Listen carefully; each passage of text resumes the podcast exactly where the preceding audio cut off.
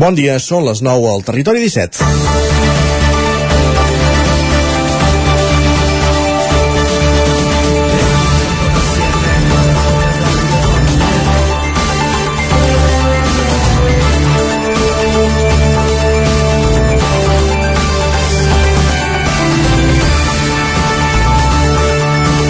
L'Esquirol ha hagut de tancar el punt jove per vandalisme poc després d'obrir-lo, pocs dies després d'obrir-lo.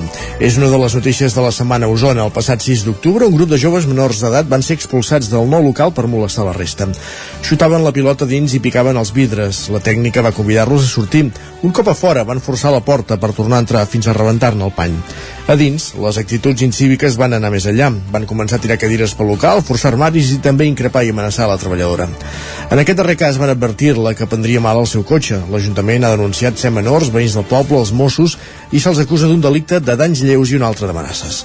L'alcalde Àlex Montanyà qualifica els fets de molt greus i explica que alguns d'aquests nois són reincidents amb actes vandàlics. Segons Montanyà han estat molt pacients. Abans d'arribar a aquest punt de presentar la denúncia, van parlar amb els joves implicats sobre els alt altres actes vandàlics, les, també van parlar amb les seves famílies i fins i tot els van acompanyar a reparar algunes de les destrosses. Tot plegat per reflexionar-hi. Com deia ahir a Twitter el company de la redacció Jordi Vilarrodovà, quan joves d'un poble destrossen el seu propi local, el Punt Jove, i amenacen la tècnica que hi treballa, es preguntava què està fallant i ell mateix responia amb un és preocupant. Doncs així és, és dimecres 19 d'octubre de 2022 comença el Territori 17 a la sintonia de Ràdio Cardedeu, la veu de Sant Joan, Ona Codinenca, Ràdio Vic, el 9 FM i també ens podeu veure a través de YouTube, Twitch i el 9 TV. Territori 17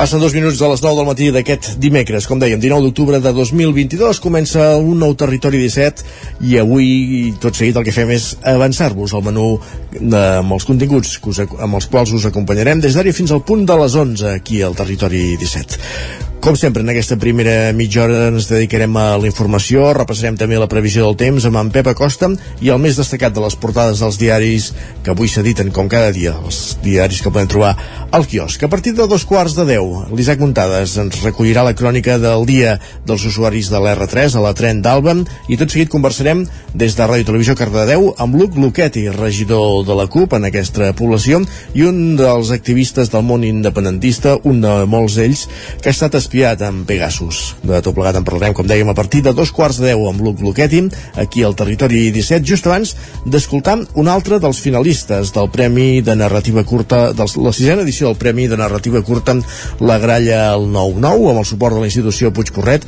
Ja sabeu que aquests relats els hi hem donat un format eh, d'àudio, de so, i el que fem al Territori 17 aquesta temporada és anar escoltant els 10 finalistes. Avui és el torn de T'estava esperant de Ferran Listosella Vidal de Gran Granollers. Arribarem al punt de les 10 com cada dia amb música, a aquesta hora ens actualitzarem, posarem a zero el comptador de l'actualitat de les nostres comarques per posar-nos al dia, repassarem de nou, saludarem a Pepa Costa per repassar la previsió meteorològica i el territori sostenible amb en Jordi Givert des d'Ona Codinenca. Avui parlarem de Prats Naturals del Moianès, una iniciativa de l'entitat Conservem Moianès, de la qual, com dèiem, en Jordi Givert ens en donarà més detalls a partir d'un quart d'onze eh, la darrera mitja hora del programa, que la dedicarem? Doncs ja sabeu que els dimecres és tot molt literari. Primer amb la Cristina Enfruns parlant de llengua, una setmana més, i després amb l'Isaac Muntades des de la veu de Sant Joan conversant avui amb Ramon Alababo, Lletraferits, que ha publicat el recull de poesia Pòsit de Cendra. Tot això des d'ara fins a les 11 aquí al Territori 17. Explicar tot el menú és moment de posar-nos en dansa.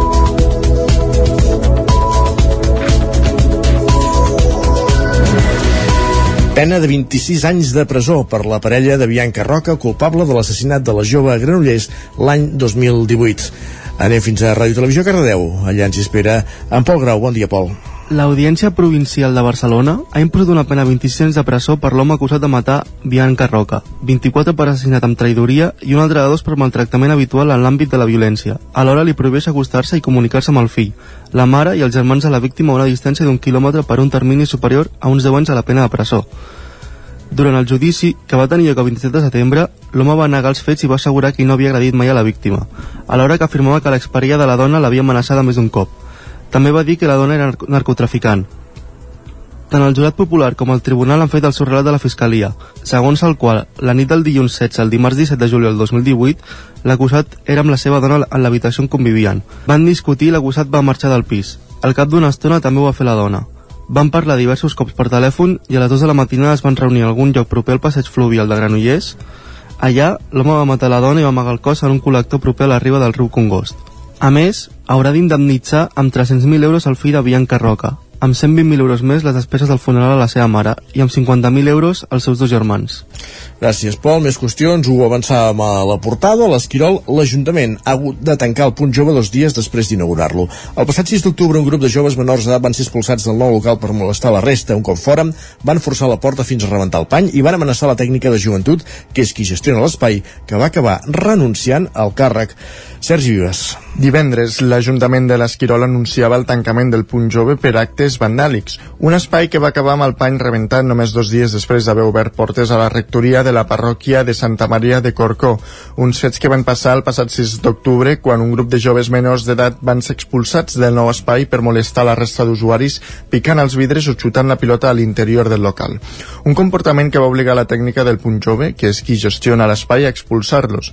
Un fet, va, un fet que va comportar que els joves acabessin proferint amenaces a la treballadora que ha acabat renunciant al seu càrrec. Això ho explicava Àlex Montanyà, alcalde de l'Esquirol. Van forçar les portes, van forçar els armaris, van fer volar cadires, eh, empentes a les finestres, als vidres, però això és el menys greu que podia passar perquè eh, amenaces a les persones eh, que es cuiden dels joves provocant-los, això és inacceptable. Per tant, eh, considerem que hem arribat fins aquí i per això s'han denunciat els fets. Desgraciadament, la tècnica de joventut ha renunciat al seu lloc de treball i automàticament es genera un buit per tots aquells infants i joves del poble que volien que els acompanyessin. Per tant, això també és, un, és, un, és una sensació d'impotència molt generalitzada i això no, no es pot permetre de cap de les maneres.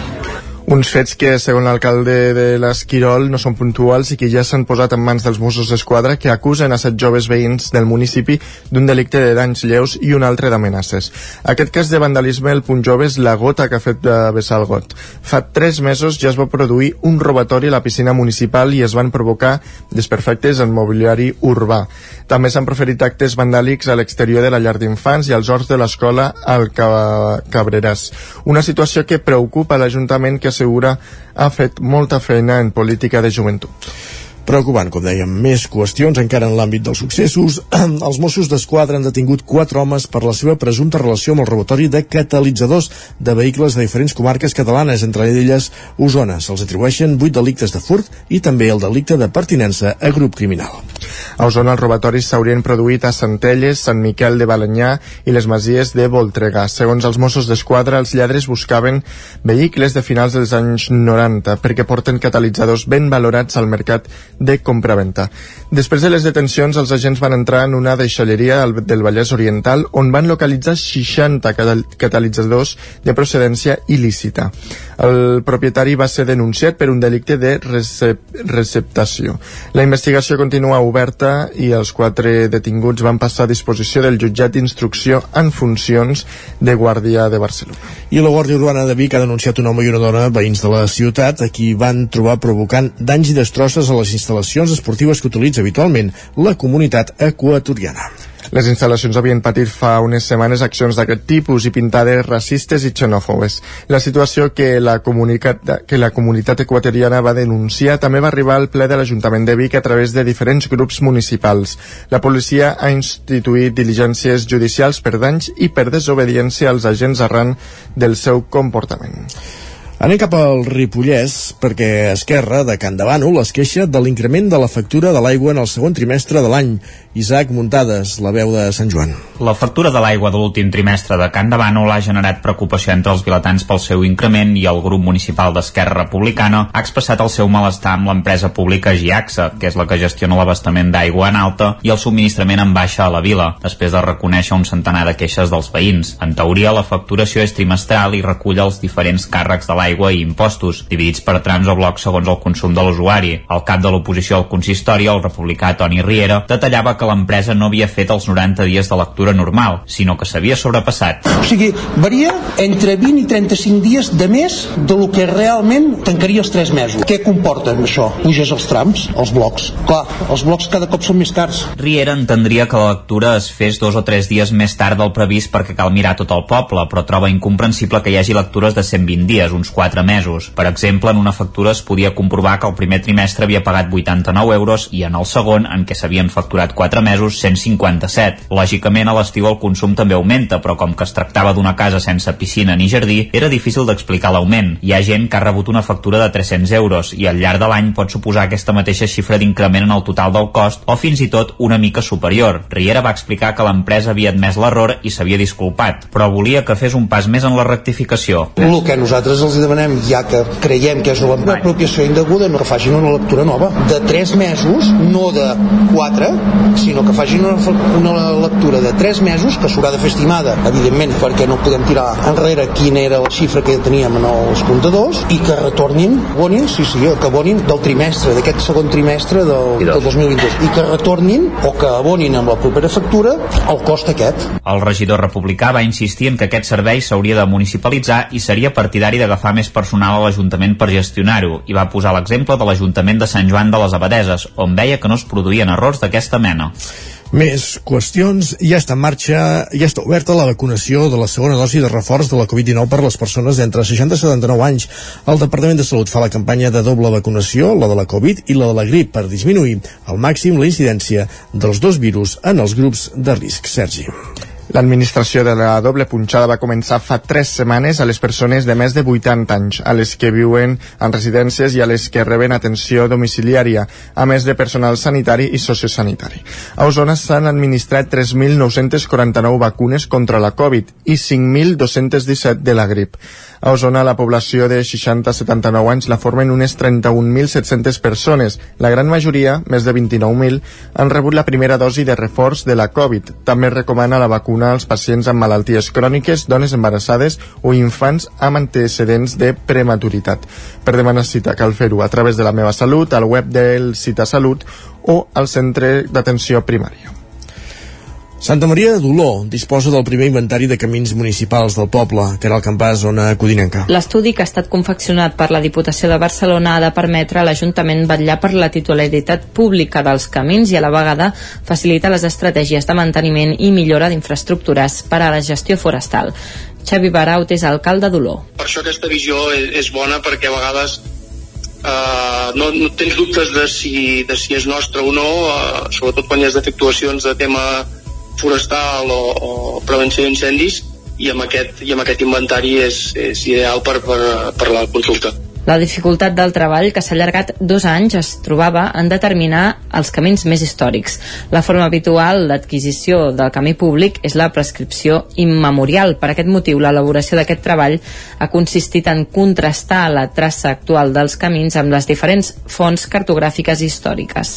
Mira, aquí en, en, en l'alimentari que ens han entregat són 85 fitxes de camins, de camins municipals, per descomptat que, que el municipi en té, en té uns quants més, i és el que et comentava, eh? és, un, és una feina bastant, bastant llarga perquè comencen a consultar en planos des del, la, la primera consulta des del 1920 i van mirant que els camins siguin d'ús públic per poder-los adjuntar amb aquest inventari.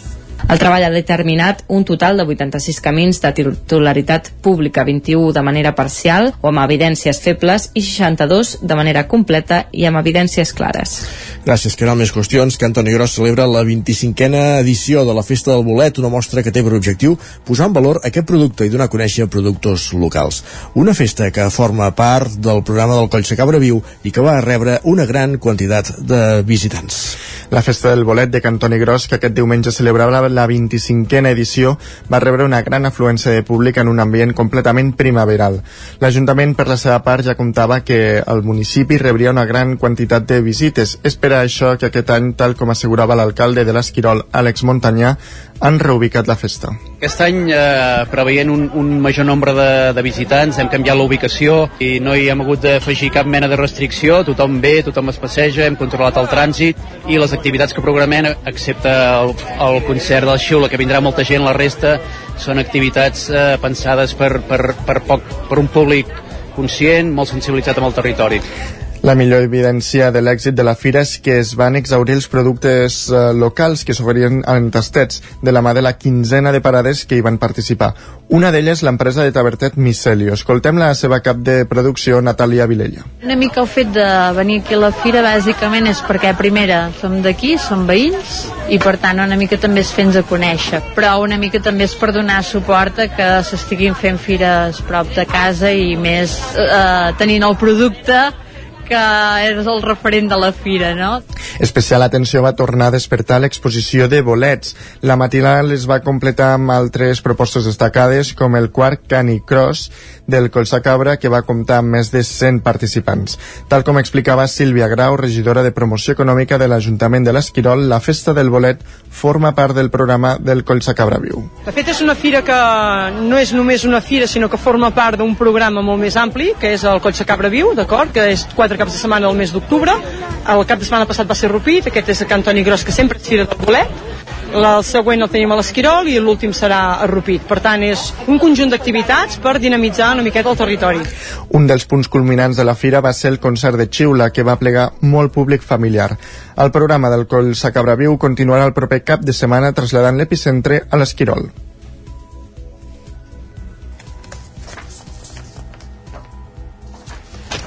I un últim punt, el Centre Cívic Joan Triadú de Vic acull l'exposició Bombers 40 anys. La mostra, que es podrà visitar fins al 5 de gener, repassa les quatre dècades d'història de la Direcció General de Prevenció d'Extensió d'Incendis i Salvaments. També hi ha una secció zero amb material històric dels bombers de Vic, un cos que va néixer l'any 1858. Ara ja fa 40 anys que els bombers estan sota la gestió de la Generalitat. És per això que el nou centre cívic Joan Triadú acull una exposició explicant-ne la seva història.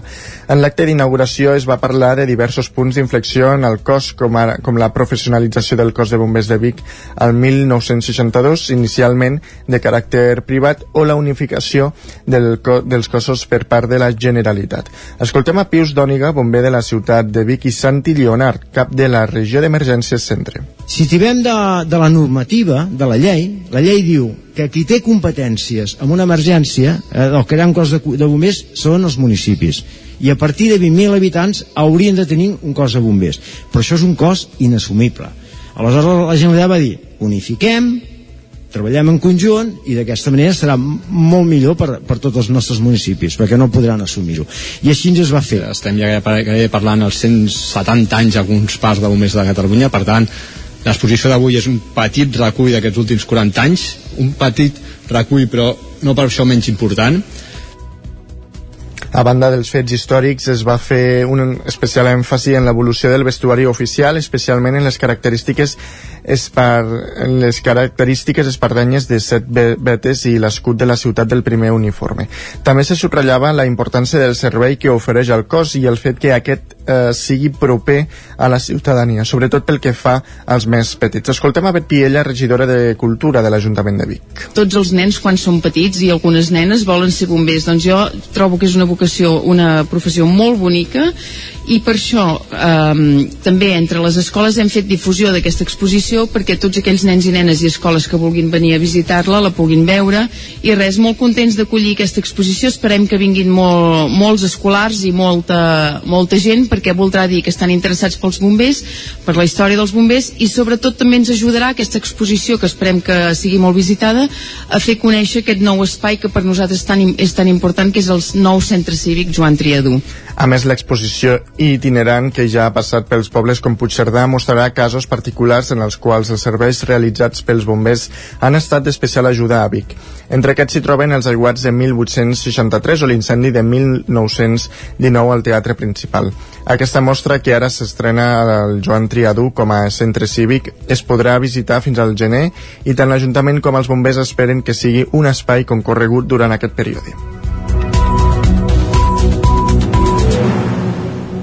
Acabem aquí aquest repàs informatiu que començàvem al punt de les 9 en companyia de Sergi Vives, Pol Grau, Caral Campàs i Isaac Muntades. Moment al territori 17 de saludar també en Pep Acosta.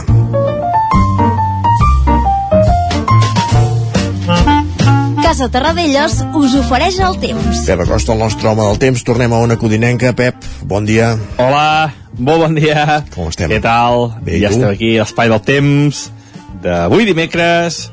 Uh, això és com el dia de la marmota, eh, senyors i senyors. Mm, Estem en no...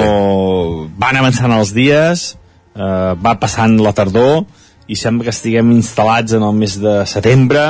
I no avancem. Uh, Un drama. Em, em, em llevo cada dia, veig els mateixos mapes, uh, veig gairebé mm, tot el mateix, Uh, no hi ha indicis de canvis, no hi ha, no hi ha xitxa meteorològica. Fes alguna Pep, fes Una alguna situació molt plana, mo- molt enquistada, uh, bueno, uh, la situació és, és uh, comença a ser molt preocupant, uh, una mica dantesca i tot, li vaig a posar una mica d'èpica, doncs la situació és bastant, bastant eh, f- és, que, és, que, és que no sé com dir-ho eh, eh, eh, que ja no, no, no s- s- s- hi ha d'haver hi ha d'haver algun, algun moviment hi ha d'haver alguna cosa perquè és que si no no mm, no, no, no passarem d'aquesta sequera no passem aquesta calor eh, està tot molt, molt, eh, molt malament i avui ens llevem novament amb aquest ambient pesat, amb aquesta humitat, amb aquestes temperatures més altes del que hauria de ser normal. La majoria mínima és entre els 15 i els 18 graus, cap al Pirineu una mica més de fred, però ja ara hauria de glaçar molts dies i no està glaçat ni un dia. Eh, una situació molt, molt anòmala. Eh, de cara al migdia, les temperatures encara seran poder més altes que les d'ahir, algun lloc 28 i 29 graus arribarem, màniga curta sense cap mena de dubtes, i un ambient eh, molt, molt eh, reconfortant, eh, molt suau, eh, algun núvol avui, l'única novetat és que cap al Pirineu Occidental pot ploure una mica, però bueno, a, a casa nostra no ens afectarà, a la part oriental no, no vindrà aquesta, aquesta, eh, perturb, aquest petit front que passa per la part occidental del Pirineu, i també el vent, eh, vent que serà destacable a les parts més altes de les nostres muntanyes, sobretot cap al Pirineu, també al Montseny i la serrada transversal, vent moderat de 50, 60, 70 km per hora, els cops més forts. I això és tot. Uh, intentar disfrutar d'aquest dia de la marmota, que dic jo novament, i no es veuen canvis significatius per enlloc, per enlloc, eh? no n'hi no ha ni un. Moltes gràcies, adeu. Pep, esperem que aviat puguis sortir d'aquesta patia que ja fa mesos que et porta aquesta situació meteorològica tan estable, malauradament, que, que provoca, per exemple, que això, que estiguem eixuts, que no hi hagi aigua. Va, parlem més tard. Ara el que fem és anar cap al quiosc. Casa Tarradellas us ha ofert aquest espai. I quan diem que anem cap al quiosc és perquè volem saber què diuen avui els por- diaris a les seves portades. Sergi, per on comencem? Doncs comencem com cada dia al punt avui, que avui encapçala a la portada amb un Europa vol fer pinya. Diu que la comissió recomana mm, compres conjuntes per abaratir el, el gas. Sánchez, de fet, ha dit que cap a, a aquest hivern a cap llar hi faltarà energia. Per tant, ho haurem de veure, això. És molt fàcil fer aquestes promeses, aquests brindis al sol, eh? Tot, tot i que és cert que també, val a dir-ho, que, que Espanya, en aquest cas, l'estat espanyol no depèn del gas rus, però vaja. Veurem, Els, els veurem. preus estan disparats per tothom. I també el punt avui destaca que el, fe, el fet de Neymar eh, s'hagi expulsat tota la responsabilitat en el judici del seu fitxatge pel Barça. Textualment va dir, firmo el que em diu el meu pare. Caram. Doncs bé. Anem al periòdico eh, perquè fa un balanç del debat que es va fer ahir al Senat. Eh, Diuen que va ser un debat entre el president i el líder de l'oposició tens, però sense mal. I també destaquen amb una fotografia que els reis van ser presents a la inauguració de la Fira del Llibre de Frankfurt. Molt bé. La Vanguardia destaca que els atacs eh, russos sabotegen el subministrament elèctric d'Ucraïna i també destaquen amb una fotografia dels reis que la cultura espanyola s'exhibeix a Frankfurt. I, de fet, per altra banda, diuen que un 63% dels universitaris fa servir el mòbil com a teràpia per fugir de la solitud. Lara, per la seva banda, destaca en una entrevista que ha fet al conseller de Salut, Manel Balcells, diu textualment que el 2023 no es podrà fumar a les terrasses i ell mateix també diu espero que tampoc als cotxes. i a més destaquen eh, els 25 anys del Guggenheim de Bilbao Anem a les edicions de les portades de Madrid. Comencem amb el país, que avui destaca que Feijó ataca a Sánchez però deixa uh, fora de perill el pacte sobre el poder judicial. I ahir el Mundo publicava que Basile era despedit de Mediaset, doncs bé, el protagonista ja s'ha pronunciat i el país destaca una de les seves declaracions. Diu així, els Berlusconi no em farien fora, diu. Tenen principis. Doncs bé, haurem de veure com, com evoluciona aquest cas. Basile. Basile. Okay, molt bé.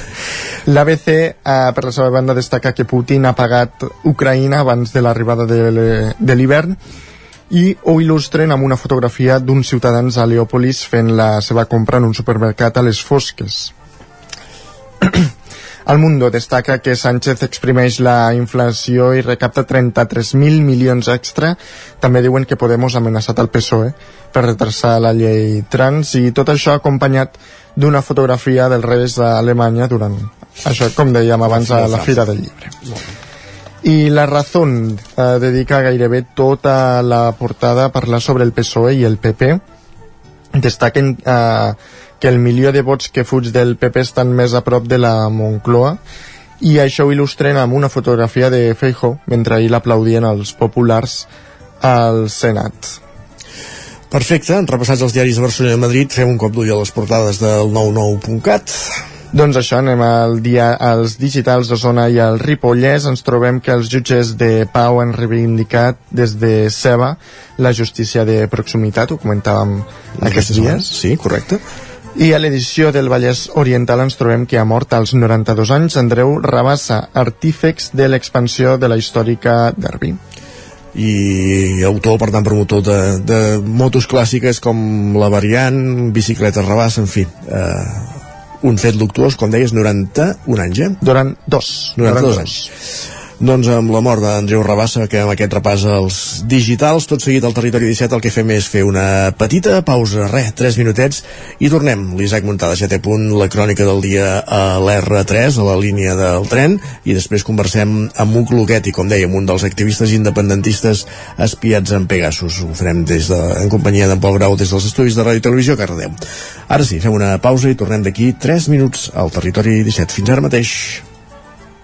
9 FM, la ràdio de casa, al 92.8. Cobertes serveis funeraris. Els nostres tanatoris estan ubicats en els nuclis urbans més poblats de la comarca d'Osona per oferir un millor servei. Tanatori de Vic, Tanatori de Manlleu, Tanatori de Centelles i Tanatori de Roda de Ter. Sabem que són moments difícils i per això el nostre compromís és atendre-us en tot moment amb un tracte humà, sensible i respectuós.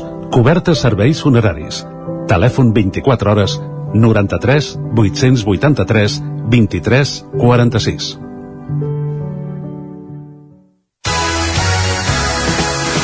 Ja tens la teva disfressa de Halloween? A Manli tenim les més terrorífiques.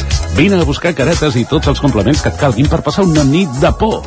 Ens trobareu al carrer de Ramon Soler número 1 de Vic i també a manli.cat. A Manli fem de la festa una bogeria.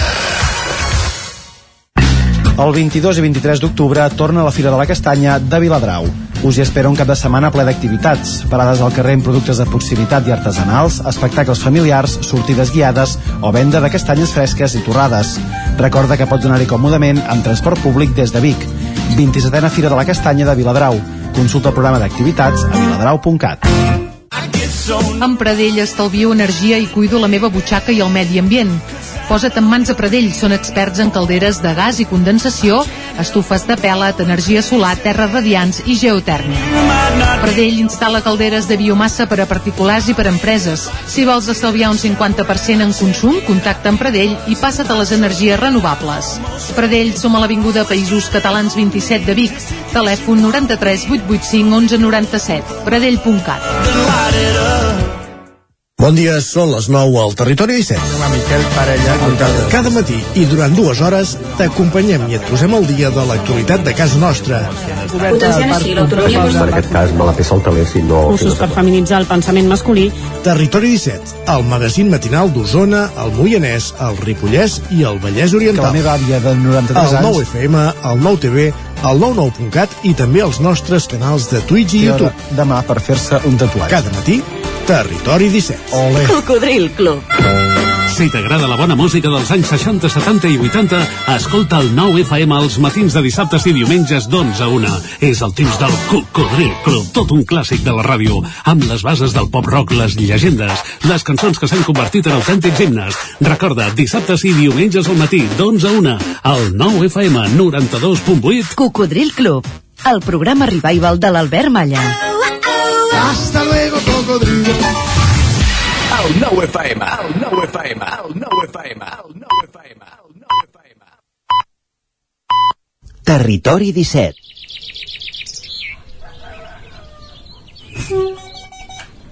A Tren d'Alba. Cada dia els usuaris i usuàries de la línia R3 de Rodalies que veuen sortir el sol des d'un vagó ens expliquen les gràcies i les penes del primer comboi que uneix Ripoll i Barcelona o les feixugues jornades amb el tren després de treballar. Benvinguts a Tren d'Alba. El compte oficial de Rodalies informava fa uns dies que continuen les obres d'accessibilitat a Mollet Sant Fost i especificava que tot està a punt per iniciar la cimentació del nou pas inferior accessible. Tot plegat tindrà un cost de 4,05 milions d'euros. Un usuari que volia queixar-se dels treballs apuntava que portaven 4 setmanes fent enderrocs i que s'ho prenien en calma, a més a més de considerar que el cost de l'obra augmentaria a 8 milions d'euros per embutxacaments i desviacions. Suposem que això últim no serà així perquè seria totalment il·legal. El que passa és que Renfe ens ha acostumat al pitjor escenari i, és clar, la gent no se'n fia. Ja podem escoltar la crònica d'en Carles Bassaganya d'avui. Últimament, i més des del setembre, des de la gratuïtat del servei de Rodalies, cada matí o cada tarda eh, acaba siguent arribar a l'estació i pensar a veure si avui tindré sort. A veure si avui podré fer el meu trajecte, en el cas meu des de, des de Barcelona fins al Ripollès o des de Ripoll fins a Barcelona i em si avui tindré sort i tindré els seients tous i aquest acaba sent molts dies una satisfacció doncs a primera hora del matí, en el meu cas a les 7 del matí, arribar a l'estació de tren i veure que els seients són aquells blaus acotxats que et permet almenys fer el trajecte de dues hores amb certa comoditat. Per contra, si no, tens aquells durs, aquells durs de plàstic que realment acabes fent tot el trajecte anant-te movent precisament per trobar la hipotètica situació de més comoditat. Bé, és una mica trist, però és la satisfacció que podem arribar a tenir i esperar molts matins o moltes tardes, esperar que els seients siguin de color blau, siguin els seientous. Bé, aquesta és la realitat del trajecte de Rodalies 3. Res més, moltes gràcies i bon tren. Per trajectes llargs s'agraeix que els seients del tren siguin tous, perquè com siguin durs, són dues hores de patiment i en què dormir o descansar resulta complicat, perquè trobar la postura no és tan fàcil. Esperem que això suposin al cap la gent de Renfe i que els trens algun dia tinguin tots els seients tous. Territori 17, el 9 FM, la veu de Sant Joan, Ona Codinenca, Ràdio Cardedeu, Territori 17. Dos minuts i mig que passen de dos quarts de deu.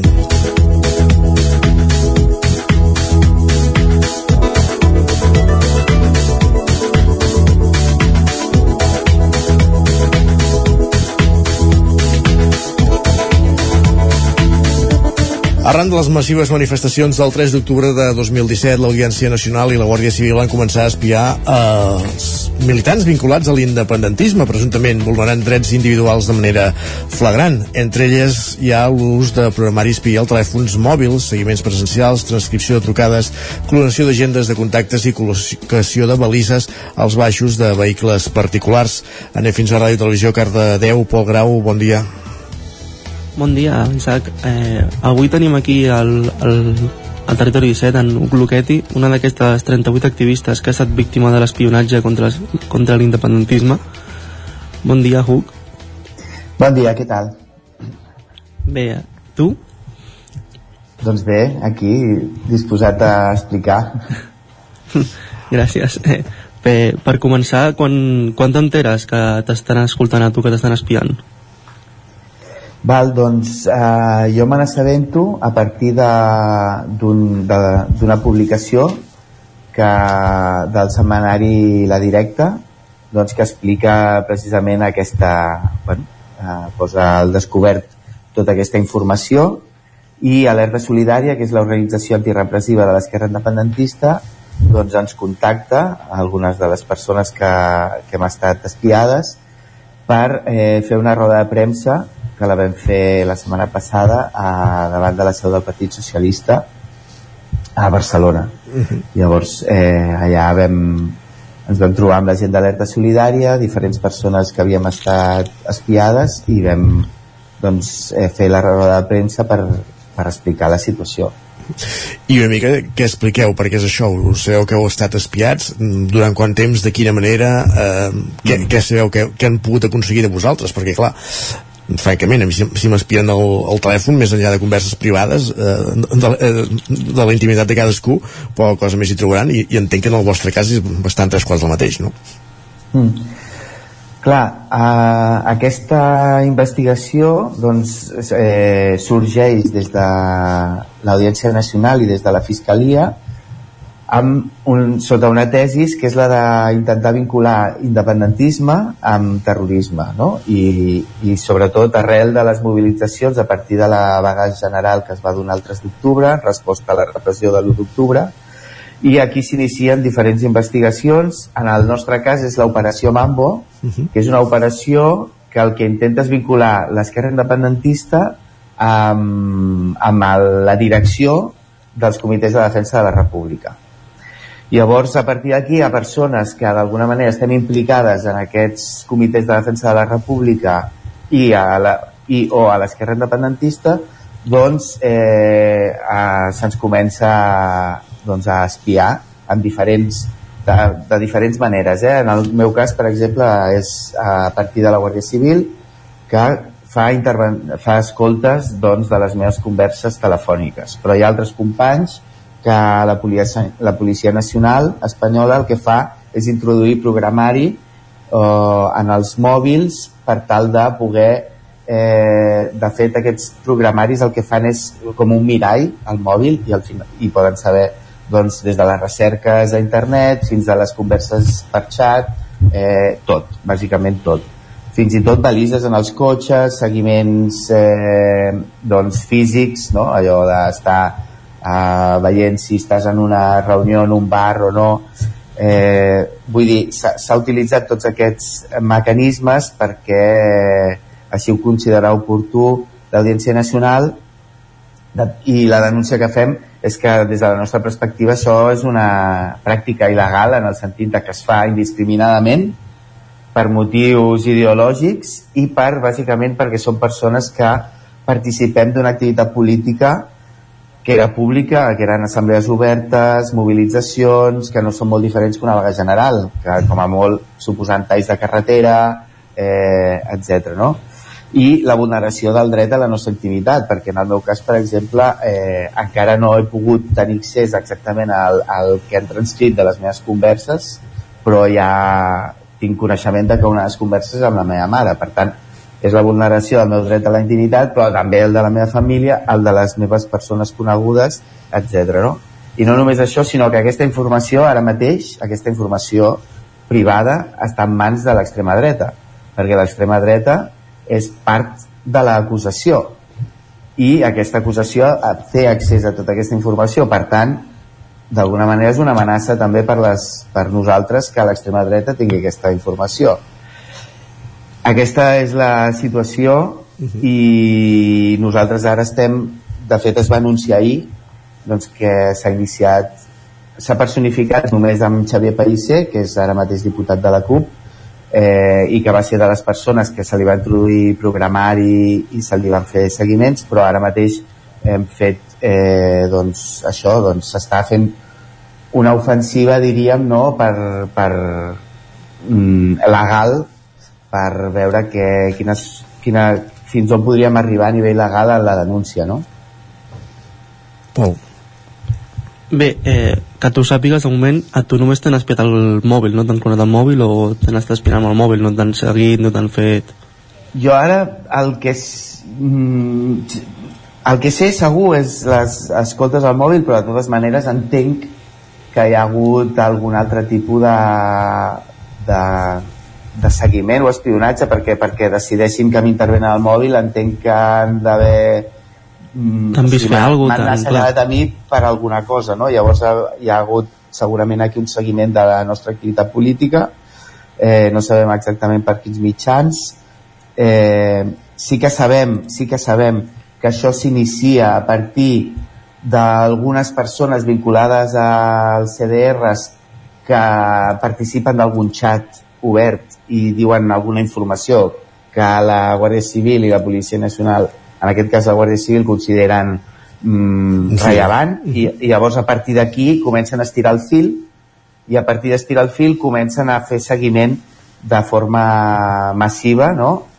Um, perquè d'alguna manera això és una investigació prospectiva, és a dir, al final el que fa és seguir molta gent pel seu perfil ideològic i la seva implicació en els moviments eh, i una causa general, no? Una, al final és una causa general contra l'independentisme. Ara sabem una part molt petita d'aquesta investigació, que és la que afecta l'operació Judes, que són a, a la gent del 23S que van detenir el 23S que estan acusats de terrorisme i pendents i tenència d'explosius i pendents de judici amb les conseqüències que pot tenir aquesta acusació que és una acusació molt greu i després ara tenim aquesta part de l'operació Mambo que és vincular l'esquerra independentista amb la, amb la direcció però hi ha moltes més parts d'aquesta investigació que ara mateix desconeixem. De fet la, la, aquesta part de l'operació Mambo l'hem des- o sigui, al final el jutge l'ha facilitat en aquest cas a les advocats d'alerta solidària després de la insistència de les advocades perquè el jutge no volia eh, facilitar aquesta informació i per tant a les advocats d'alerta solidària estaven en, en indefensió cap a les seves eh, cap a les persones que estaven defensant perquè no tenien accés a tota la informació.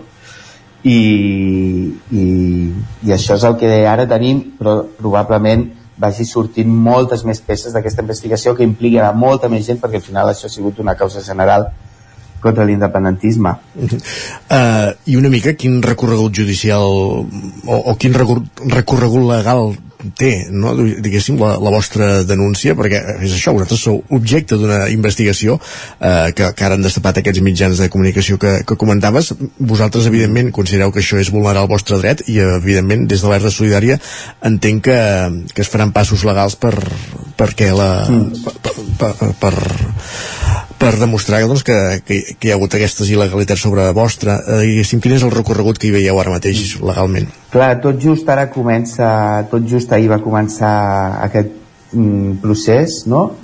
I tot just comença a caminar. Ara mateix eh, s'ha demanat mm, si aquestes escoltes est, en, eh, continuen o aquesta investigació continua o aquest espionatge continua i, i s'està com demanant aquestes explicacions, no? Eh, també perquè hi ha una qüestió que, que vam denunciar a la roda de premsa que és eh, perquè a part d'aquesta via legal també estem evidentment fent una via de denúncia política i una de, la, de les denúncies que vam fer és aquesta investigació comença amb el Partit Popular però continua amb el Partit Socialista en el govern del Partit Socialista i de Podemos en el, i el senyor Marlaska, el ministre Marlaska va sortir dient, negant que aquestes pràctiques es realitzessin i que es perseguís a les persones per la seva ideologia política. I això evidentment queda en entredit i queda, i queda evidenciat que, que, que està mentint eh, perquè aquestes eh, investigacions i pràctiques van continuar durant sota govern del Partit Socialista i Podemos. De fet, des de, des de la dreta, des del PP, s'acusa ràpidament la Moncloa de voler desjudici- desjudicialitzar el procés i aquest cas denota que de desjudicialització res de res, no?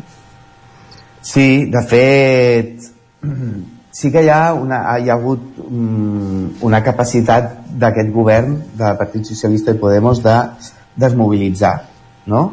Eh, d'aquesta l'agenda del, l'agenda del reencuentro que li diuen no?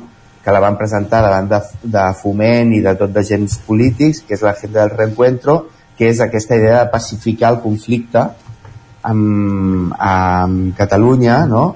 I, i això evidentment està tenint els seus efectes i malauradament hi ha una part de l'independentisme que ha comprat aquesta agenda del reencuentro i hi ha hagut aquesta desescalada del conflicte. Però, però a part d'aquesta desescalada evidentment eh, la causa contra l'independentisme i la repressió contra l'independentisme ha continuat, hi ha més de 2.000 persones represaliades i no només per part del Partit Socialista i Podemos, del Partit Popular, Vox, etc, sinó que malauradament també la Generalitat ha participat d'aquesta repressió, perquè sabem que els Mossos d'Esquadra han participat de, del directe i, i, o indirectament, no ho sabem, és una de les coses que volem aclarir, han participat de totes aquestes operacions, vull dir, han sigut part activa a l'hora de facilitar informació a la Policia Nacional i a la Guàrdia Civil sobre tots aquests activistes que, que hem tingut espionatge. Per tant, aquí tothom ha d'entomar la seva part de responsabilitat. Està clar. Hugo Luquetti, de la CUP de Cardedeu, una de les persones, com dèiem, que, que apareixen en aquestes investigacions, eh, aquest, aquests eh, casos d'espionatge sobre l'independentisme, en aquest cas, com bé ens explicaves, eh, en el teu cas t'havien espiat trucades telefòniques, t'havien escoltat trucades telefòniques privades. Gràcies per explicar el teu testimoni al Territori 17 i anirem seguint-ho. Gràcies per ser un dia més amb nosaltres. Gràcies a vosaltres per donar-hi veu. Bon dia. Gràcies també, Pol, per acompanyar-nos en aquesta entrevista. Fins ara. I avancem al territori 17 amb més continguts com cada dimecres. Ja us hem anat explicant en els darrers dies en aquesta temporada el que fem és centrar-nos també en els relats finalistes del sisè Premi de Narrativa Curta a la Gralla al 9-9 amb el suport de la institució Puig Porret i avui escoltem un d'aquests 10 finalistes. L'obra T'estava esperant de Ferran Listosella Vidal de Granollers. Sisè Premi de Narrativa Curta la Gralla al 9-9, amb el suport de la institució Puigporret. Sisè Premi Narrativa Curta a la Gralla al 9-9. T'estava esperant, de Ferran Listosella Vidal, de Granollers.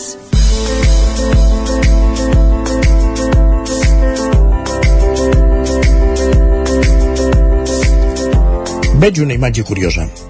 Un noi en bicicleta de carreres, antiga però ben cuidada, que està aturat a la cruïlla del carrer principal del poble amb la carretera. Té un peu al pedal esquerre i l'altre sobre un senyal de trànsit baix, en forma de fletxa, que indica el camp de futbol. Sembla que estigui esperant el moment de creuar la carretera, però no és així, perquè amb l'estona que fa que hi és, ho podia haver fet moltes vegades. Són més de les dues del migdia, d'un dia d'estiu en un poble petit de muntanya, i pels carrers no es veu ningú. Es podria dir que aquell noi estava fent temps per anar a dinar, però segur que hi havia altres motius per estar com un estaquirot en aquell lloc, amb aquella posició incòmoda i tant de temps. La bicicleta li donava un punt de vista elevat i això li conferia una posició de privilegi per veure els moviments dels possibles vianants. Si hagués vist algú conegut, ell hauria marxat dissimuladament. Si no passava ningú durant una bona estona, deixaria el lloc de vigia per avorriment. Mentre perdia el temps d'aquesta manera, pel cap li venien imatges d'aquella noia que havia conegut feia pocs dies en aquella colla, quan el van presentar com a cosí d'una altra noia. El subconscient el feia estar de guaita per si es donés la improbable casualitat que fos ella la que passés per aquella cruïlla, aquell dia i en aquell moment. Pensava que la saludaria i així, la pròxima vegada que anés amb aquella colla, ja no seria un estrany per a ella. Amb aquestes cabòries al cap, no es va donar que carretera enllà venia una noia en pas lleuger. Quan la va veure, de seguida va saber que era ella, per la gràcia del seu caminar. De moment, va fer com si no la veiés, però ella, en arribar a prop del seu punt de guaita, s'hi va dirigir dient Què hi fas aquí? I ell... T'estava esperant. Li va sortir de l'ànima, sorprès, dubtant si vivia un somni o si aquell moment era real. Sí, home, a aquestes hores. Per què no? Si jo mateixa no sabia que passaria per aquí. No veus que per aquesta cruïlla hi ha de passar tot el poble? Sí, però tu no sabies que hi passaria jo. Però podria ser cap on vas. Cap a casa que s'ha fet tard. T'acompanyo. Va baixar del pedestal i amb bicicleta a la mà van anar junts carrer avall. Mentre caminaven, gairebé sense dir-se res, ell pensava que aquella noia tractada de prop era molt més atractiva del que es va imaginar aquell primer dia que la va veure. Els 200 metres caminant junts no van donar per gaire, però al separar-se van quedar de veure's més tard, amb els altres de la colla. Tots dos es coneixien de vista, sabien cada un on vivia l'altre, però no s'havien relacionat mai. El fet de conèixer l'ara li conferia alguns avantatges per participar en les activitats de la colla. Això, per a ell, ja era un gran objectiu assolit. Mai s'hagués imaginat que la timidesa ancestral que no es podia treure de sobre hagués dit una mica. En dir-se aquell primer Déu, ella va pensar que encara que aquella barba incipient d'un parell de setmanes no l'afavoria gens, aquell noi tenia alguna cosa especial que la treia. Notava que sota aquella aparença tímida i de poques paraules hi podia haver una personalitat interessant. Després ja no hi va pensar més en fondre's en el seu ambient familiar. Tot i amb això, va haver de sentir que algú li preguntava en to sorneguer. Qui era aquell noi que t'acompanyava? Ella va fer un esforç per dir alguna cosa coherent, que no semblés que fugia d'estudi. Aquell dia va veure que a casa seva estaven pendents d'ella, més del que es pensava. Ell va començar, doncs, a sortir amb la colla, que ara seria també una mica la seva, però de seguida va veure que tots eren bastant avorrits. Quedaven d'esma cada dia i poques vegades algú proposava una activitat interessant i si es proposava, mai s'acabava fent. La màxima activitat que feien, quan no es quedaven a la terrassa del bar del poble, era fer un recorregut sempre el mateix per anar a buscar algú que no havia vingut o per buscar un lloc apartat per seure i passar l'estona. El fet d'haver conegut aquella noia el va deixar inquiet, tenia la seva imatge posada al cap quasi obsessivament. Per això, intentava sempre seure al seu costat, tant per la conversa que pogués sorgir com per gaudir de la seva proximitat, de la seva olor i d'algun contacte físic casual i esporàdic que hi pogués haver. Era l'estiu, feia calor i, en general, la roba es duia lleugera. Una d'aquestes vegades va mirar de provocar el contacte com si fos casual. Va acostar el seu braç fins a tocar suaument el d'ella. La reacció el va sorprendre. Ella no va apartar el braç. Aquells segons que els braços van estar tocant-se li van semblar una eternitat. I perquè no sabia com podia acabar la cosa, va treure el braç amb naturalitat, com si hagués estat involuntari. Aquell primer contacte amb aquella pell suau i tèbia el van filar fins a dalt de tot del cel. Tota la nit va tenir aquell moment gravat, convertit en un somni repetitiu fins que, en llevar-se, una dutxa d'aigua freda el va fer tornar a la realitat. No cal dir que el neguit que portava sobre no el deixava viure. Estava impacient per tornar a fer la volta amb aquella gent que trobava tan insulsa. El rellotge no li havia anat mai tan a poc a poc. Per canviar d'aires i ocupar el temps mentre esperava l'hora de la trobada, va agafar la bicicleta i va recórrer tots els camins que va poder de les muntanyes del voltant, fins que va quedar exhaust. Ella, en canvi, no va donar tanta importància a aquells moments de contacte físic, perquè per ella eren molt innocents i potser més freqüents del que ell s'imaginava. A ella, el que sí que li van quedar gravats són els comentaris i les qüestions que ell plantejava en relació als temes de conversa del grup. Tenia la sensació que sempre estava més d'acord amb ell que no amb la majoria dels de la colla, quan aconseguien per uns instants no dir banalitats. I així va ser com dia rere dia, en trobar-se o en seure a la rotllana, aquells contactes innocents es van repetir. Aviat van deixar de ser tan innocents i van ser més freqüents, fins al punt que tots dos, ella i ell, esperaven amb delit l'hora de poder gaudir d'aquells moments, prescindint de la resta de la colla. Això afavoria també les converses entre ells.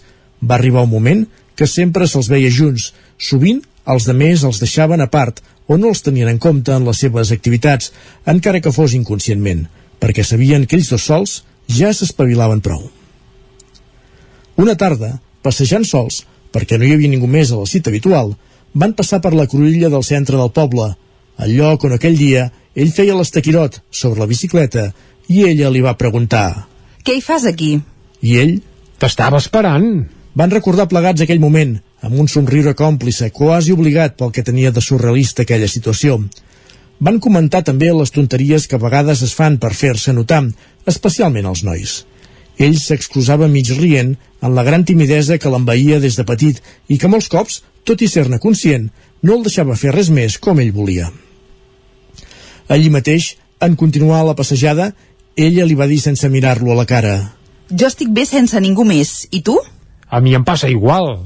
Va respondre ell, fent veure que no la mirava. A partir d'aquell moment, la relació es va precipitar. Ara ja no necessitaven la colla, i la colla semblava que no es recordés d'ells. Només els veien esporàdicament. Les trobades i els passejos se'ls organitzaven ells mateixos, mirant d'anar a llocs nous i que fossin poc concorreguts.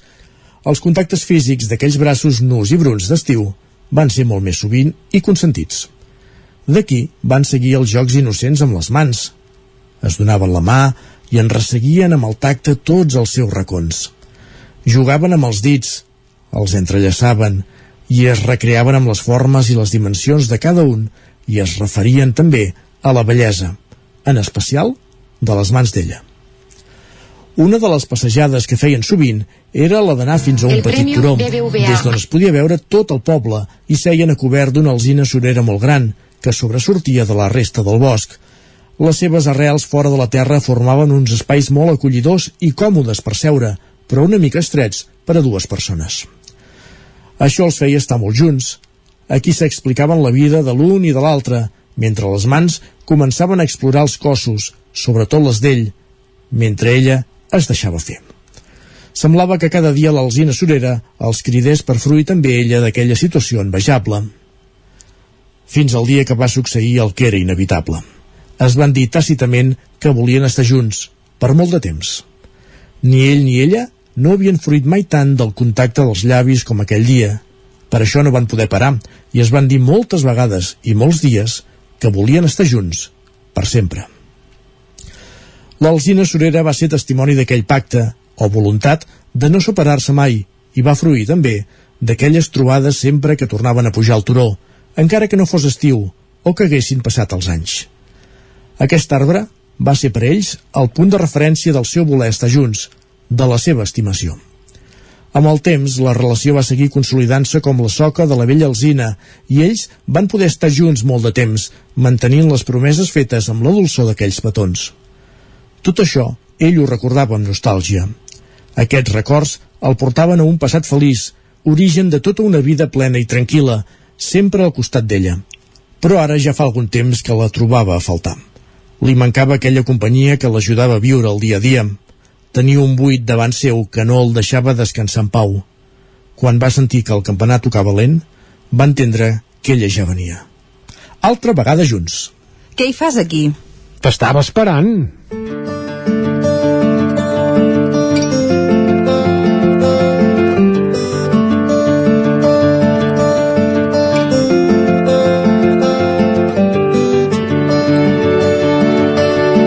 esperant, de Ferran Listosella Vidal, finalista del sisè premi de narrativa curta a la gralla al 9-9, amb les veus de... Isaac Moreno, Esther Rovira, Jordi Sunyer i Guillem Sánchez. Sisè Premi de Narrativa Curta la Gralla al 9-9, amb el suport de la institució Puigporrets. Doncs una nova edició, un nou dels, un altre dels finalistes d'aquest Premi de Narrativa Curta, la Gralla al 9-9, i el que fem ara és acabar com cada primera hora del territori 17 de cada dia amb música. Avui ho fem una, amb un clàssic d'allò que anomenàvem el rock català de Sopa de Cabra, que amb motiu dels 30 anys del ben endins doncs, ha fet versions de cançons clàssiques del seu repertori com aquest Mai trobaràs en companyia de Buos, Ginestar o de Tallets. I per què això? Doncs perquè ja s'anuncia el concert de final de gira d'aquests d'aquests 30 anys del Benendins serà el 26 de novembre al Palau Sant Jordi de Barcelona i un concert on el Sopa de Cabra compta- comptaran amb una tretzena de col·laboradors entre els quals Alfred Garcia, Buós, David Caravent, els Amics de les Arts, els Catarres, Ginestar, Intana, Joan Dausà, Judit Nederman, Ramon Miraetsu, de Tallets i Xerim Aresté. Amb alguns d'ells recordem aquest clàssic de Sopa de Cabra Tallets, eh, Ginestar i Buós mai trobaràs amb sopa de cabra. Fins a les 10.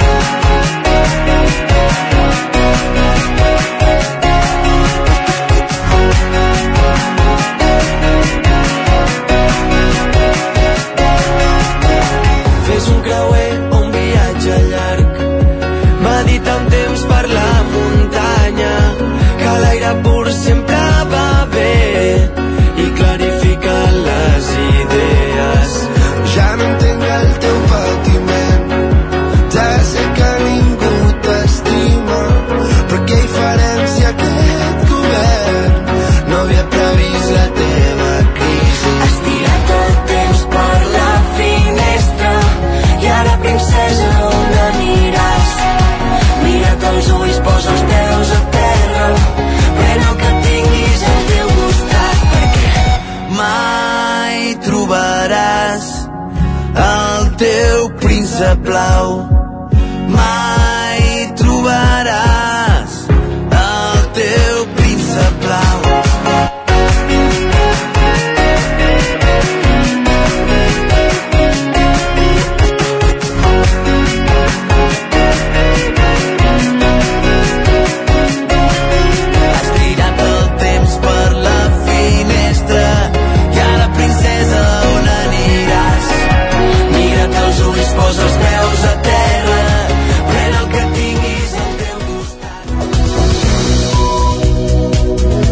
és moment al territori 17 de posar-nos al dia, d'actualitzar-nos amb les notícies més destacades de les nostres comarques i ho fem com cada dia en connexió amb les diferents emissores del territori 17 que dia a dia fan possible aquest programa, el territori 17 conformat, ja ho sabeu, per Osona, el Ripollès, el Moianès i el Vallès Oriental i les emissores que el fan possible dia a dia, la veu de Sant Joan, Ona Codinenca, Ràdio Cardedeu, Ràdio Vic, el 9 FM i ens podeu veure també a través del 9 TV, Twitch i YouTube.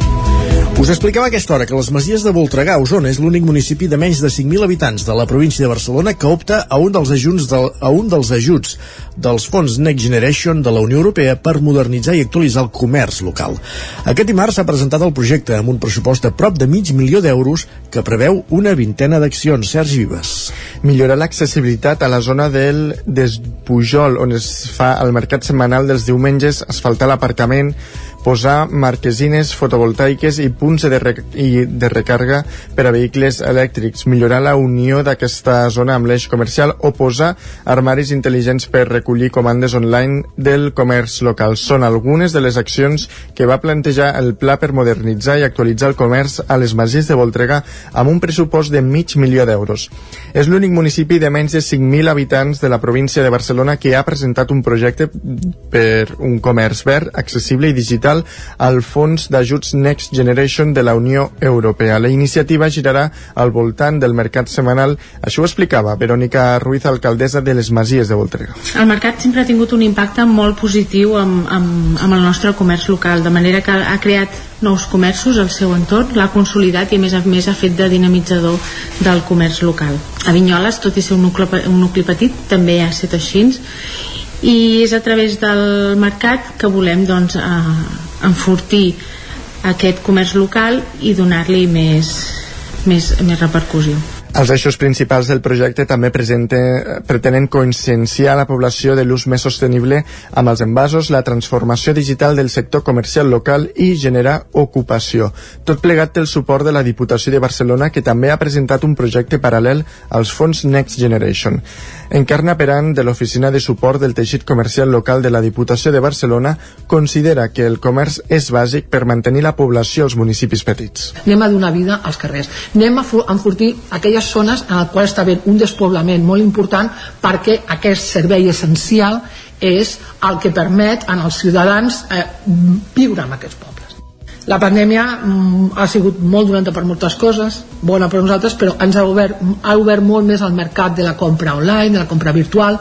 Això té els seus avantatges i tots i els seus inconvenients. El que hem d'intentar és que aquesta digitalització i aquesta compra online es converteixi en un avantatge i no un inconvenient.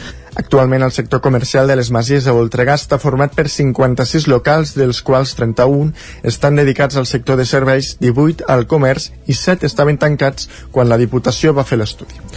Més qüestions. El circuit de Barcelona-Catalunya, el circuit de Montmeló, presenta un pla estratègic fins l'any 2024 per modernitzar-se. Pol Grau, Ràdio Televisió Cardedeu. Aquest dilluns, Roger Torrent ha presentat el nou pla estratègic per al circuit de Barcelona-Catalunya. Aquest cop, la Generalitat projecta un circuit més sostenible i amb més relació al sector industrial per al futur.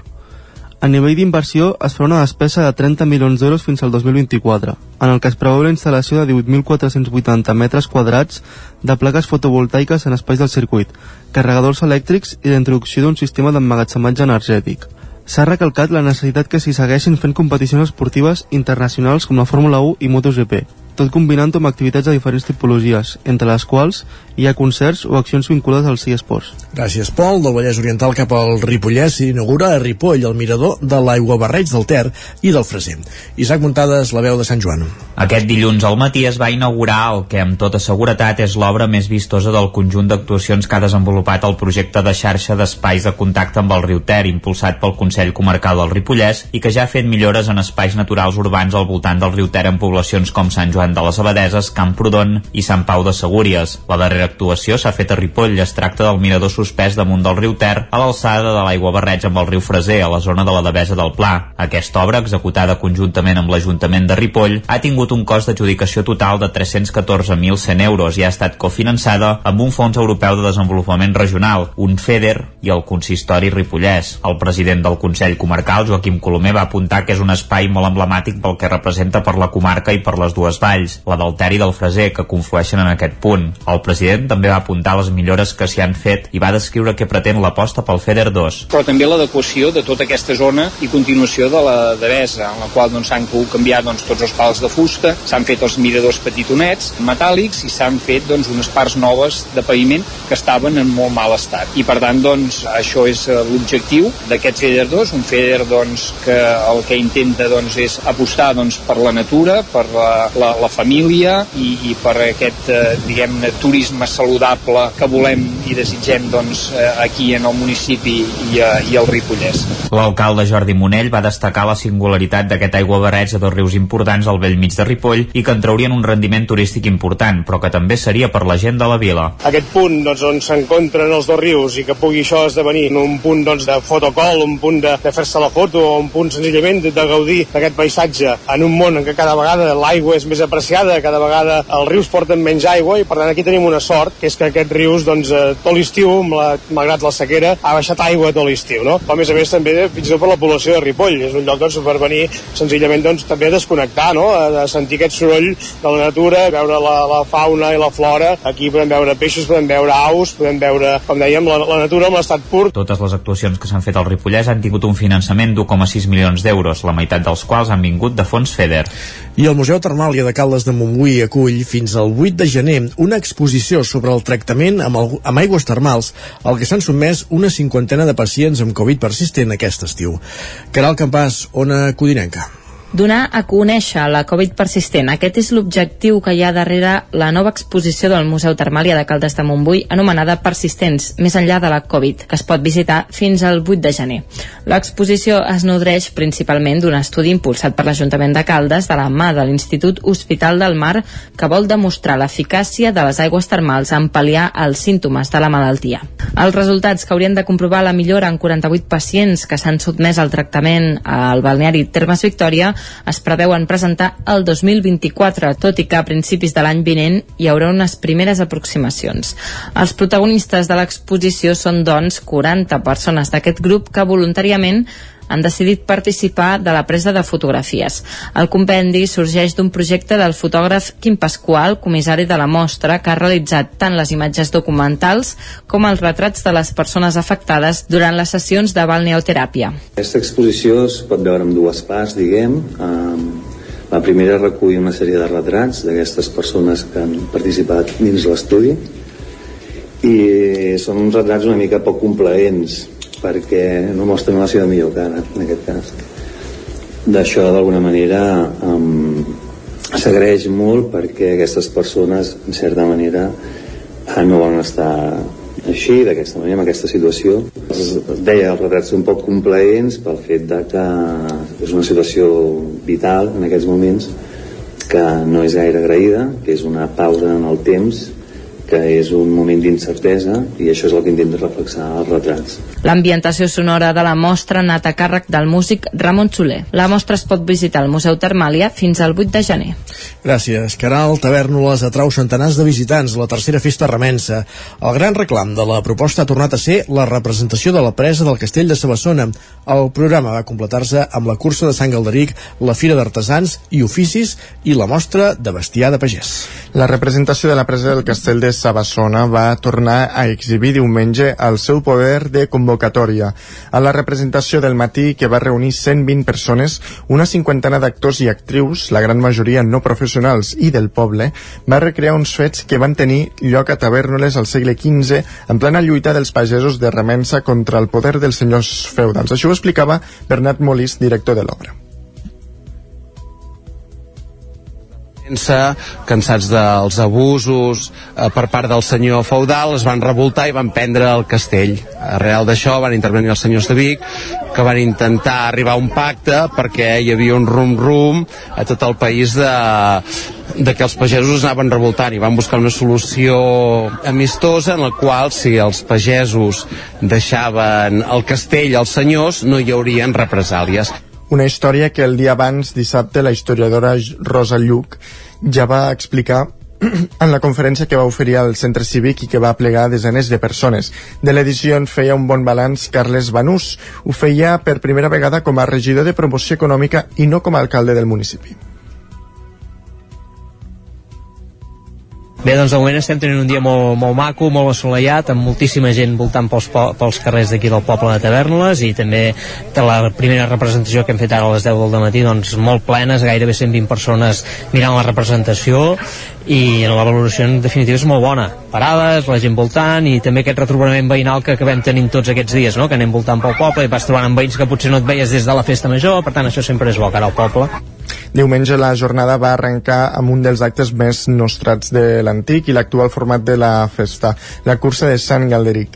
Paral·lelament al nucli antic del poble, des de primera hora hi van tornar a lluir la Fira d'Artesans i Oficis i la mostra de bestiar de pagès.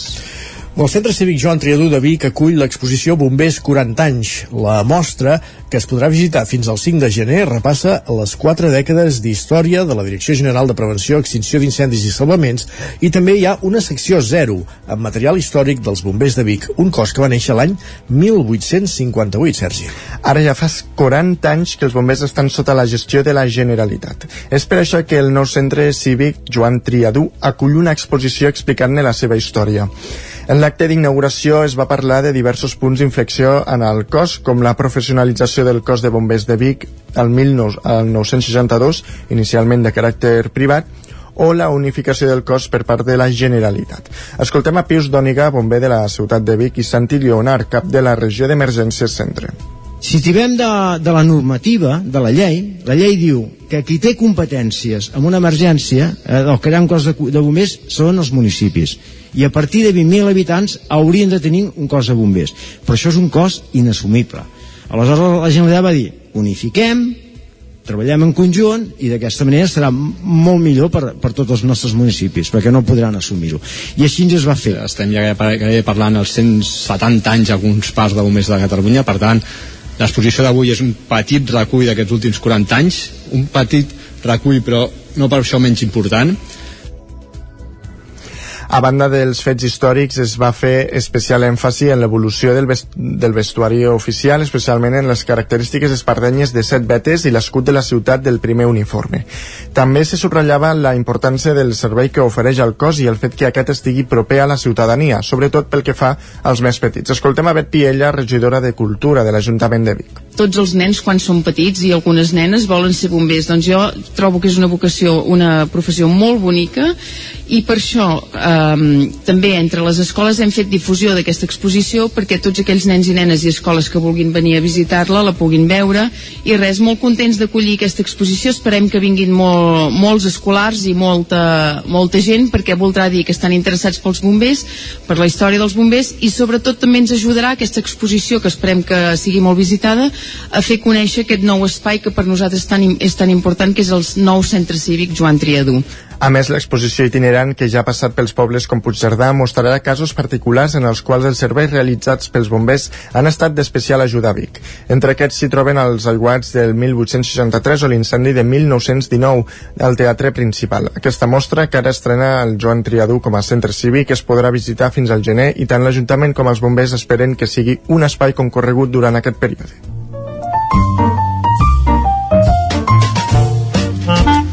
Casa Terradellos us ofereix el temps. Ha acabat el repàs informatiu, moment de conèixer la previsió del temps. Pep Acosta, bon dia. Hola, molt bon dia.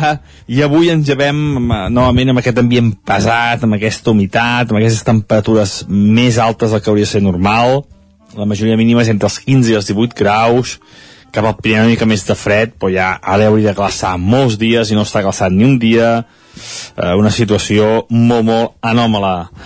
Eh, de cara migdia, les temperatures encara seran poder més altes que les d'ahir, algun lloc 28 i 29 graus arribarem, màniga curta sense cap mena de dubtes, i un ambient eh, molt, molt eh, reconfortant, eh, molt suau, eh, algun núvol avui, l'única novetat és que cap al Pirineu Occidental pot ploure una mica, però bueno, a, a casa nostra no ens afectarà, a la part oriental no, no vindrà aquesta, aquesta, uh, perturb, aquest petit front que passa per la part occidental del Pirineu, i també el vent, eh, vent que serà destacable a les parts més altes de les nostres muntanyes, sobretot cap al Pirineu, també al Montseny i la serrada transversal, vent moderat de 50, 60, 70 km per hora, els cops més forts. I això és tot. Uh, intentar disfrutar d'aquest dia de la marmota, que dic jo novament, i no es veuen canvis significatius per enlloc, per enlloc, eh? no n'hi no ha ni un. Moltes gràcies, fins demà, adeu. Gràcies, Pep, fins demà. Casa Tarradellas us ha ofert aquest espai. Territori 17, el 9 FM, la veu de Sant Joan, Ona Codinenca, Ràdio Cardedeu, Territori 17. I el Territori 17 és moment ara del Territori Sostenible. Amb Jordi Givert tornem a una codinenca i en aquest cas per conèixer la iniciativa Prats Naturals del Moianès, una iniciativa de Conservem Moianès. Jordi, posa'ns-hi llum. Bon dia. Avui volíem dedicar al territori sostenible a parlar dels uh, prats naturals de la comarca del Moianès arran d'una iniciativa d'una de les entitats de la comarca. Es tracta de Conservem Moianès eh, que ha començat un projecte per posar en valor aquests espais. Per parlar del tema tenim amb nosaltres l'Arnau Mercader, membre de, de l'entitat, perquè ens faci 5 cèntims d'aquest projecte. Hola Arnau, bon dia. Hola, bon dia, què tal? Arnau, per començar, eh, hem parlat amb vosaltres ja altres vegades aquí al, al programa, Conservem el Moianès, us dediqueu el que diu el, el nom, no? A, a, a posar en valor i a, i a intentar protegir a, la fauna, la flora de, de la comarca, no sé si ho dic bé. Sí, sí, sí, és exactament així. Va. És, amb el patrimoni natural que, que tenim Mhm. a la nostra comarca, que per molta gent de vegades és desconegut i realment és molt valuós. Doncs avui volíem parlar concretament de- d'aquest projecte que, que teniu entre mans de, de, de conservar uh, prats naturals. Uh, per situar-nos una mica, què, què és exactament o, o un prat natural? Sí, no? primer hauríem d'especificar de, d'especificar què és això, no? Mhm. Bé, els naturals són, formacions vegetals de- de- d'aspecte generalment baix que estan constituïts per plantes, diguem, herbàcies i per petites mates. De vegades la gent confon el que són els parcs naturals amb els cultius. De manera que especificar que els prats naturals, en, els prats naturals totes les espècies que hi viuen són autòctones i silvestres, és a dir, que no, no estan sembrades per l'home, que són eh, hàbitats naturals, no? Val, que no hi, ha, no hi ha hagut la intervenció de l'home, en aquest cas amb l'agricultura, eh, en, a, en, aquest, en aquest espai durant un cert temps, suposo.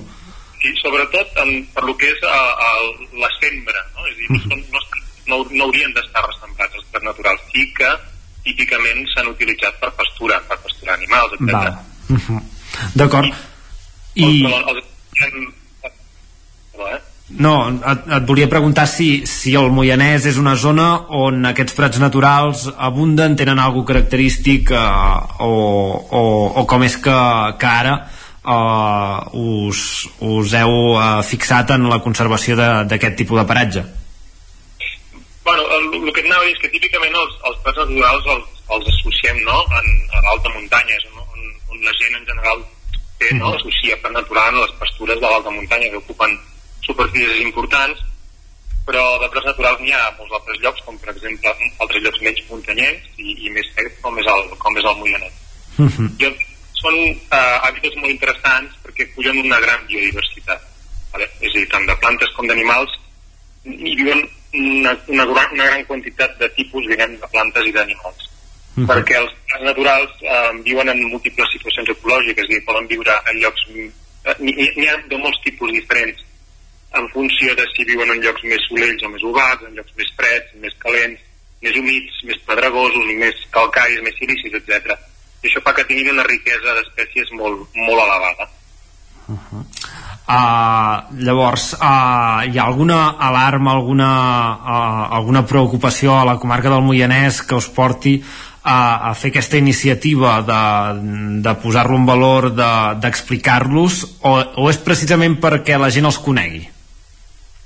Bé, una mica les dues coses, però sobretot és perquè eh, s'ha constatat que són uns, uns hàbitats que estan en declivi. D'acord? És a dir, que de prats naturals, eh, abans, és a dir, dècades enrere, com que eh, hi havia moltes més, eh, diguem, molts més ramats d'ovelles que s'alimentaven dels prats naturals, els prats naturals ocupaven grans superfícies, d'acord? Però en les últimes dècades i amb els canvis socioeconòmics de la, de la societat, diguem, sí. aquests prats en bona part s'han abandonat i quan aquests prats s'abandonen el que passa és que se'n maten, és dir, que el matollar i el bosc tenen el seu lloc i és, és dir, que se'n maten i es perden, no? Això, per una banda, eh, ha fet que els prats, no, eh, en lloc, eh, el que eren abans grans superfícies de prats, hagin, hagin acabat sent petites superfícies i moltes vegades inconexes. No? Quan passeges pel Moianès, la, la, la gent no identifica boscos, identifica camps, però difícilment identifiques grans superfícies de prats perquè en queden relativament poques.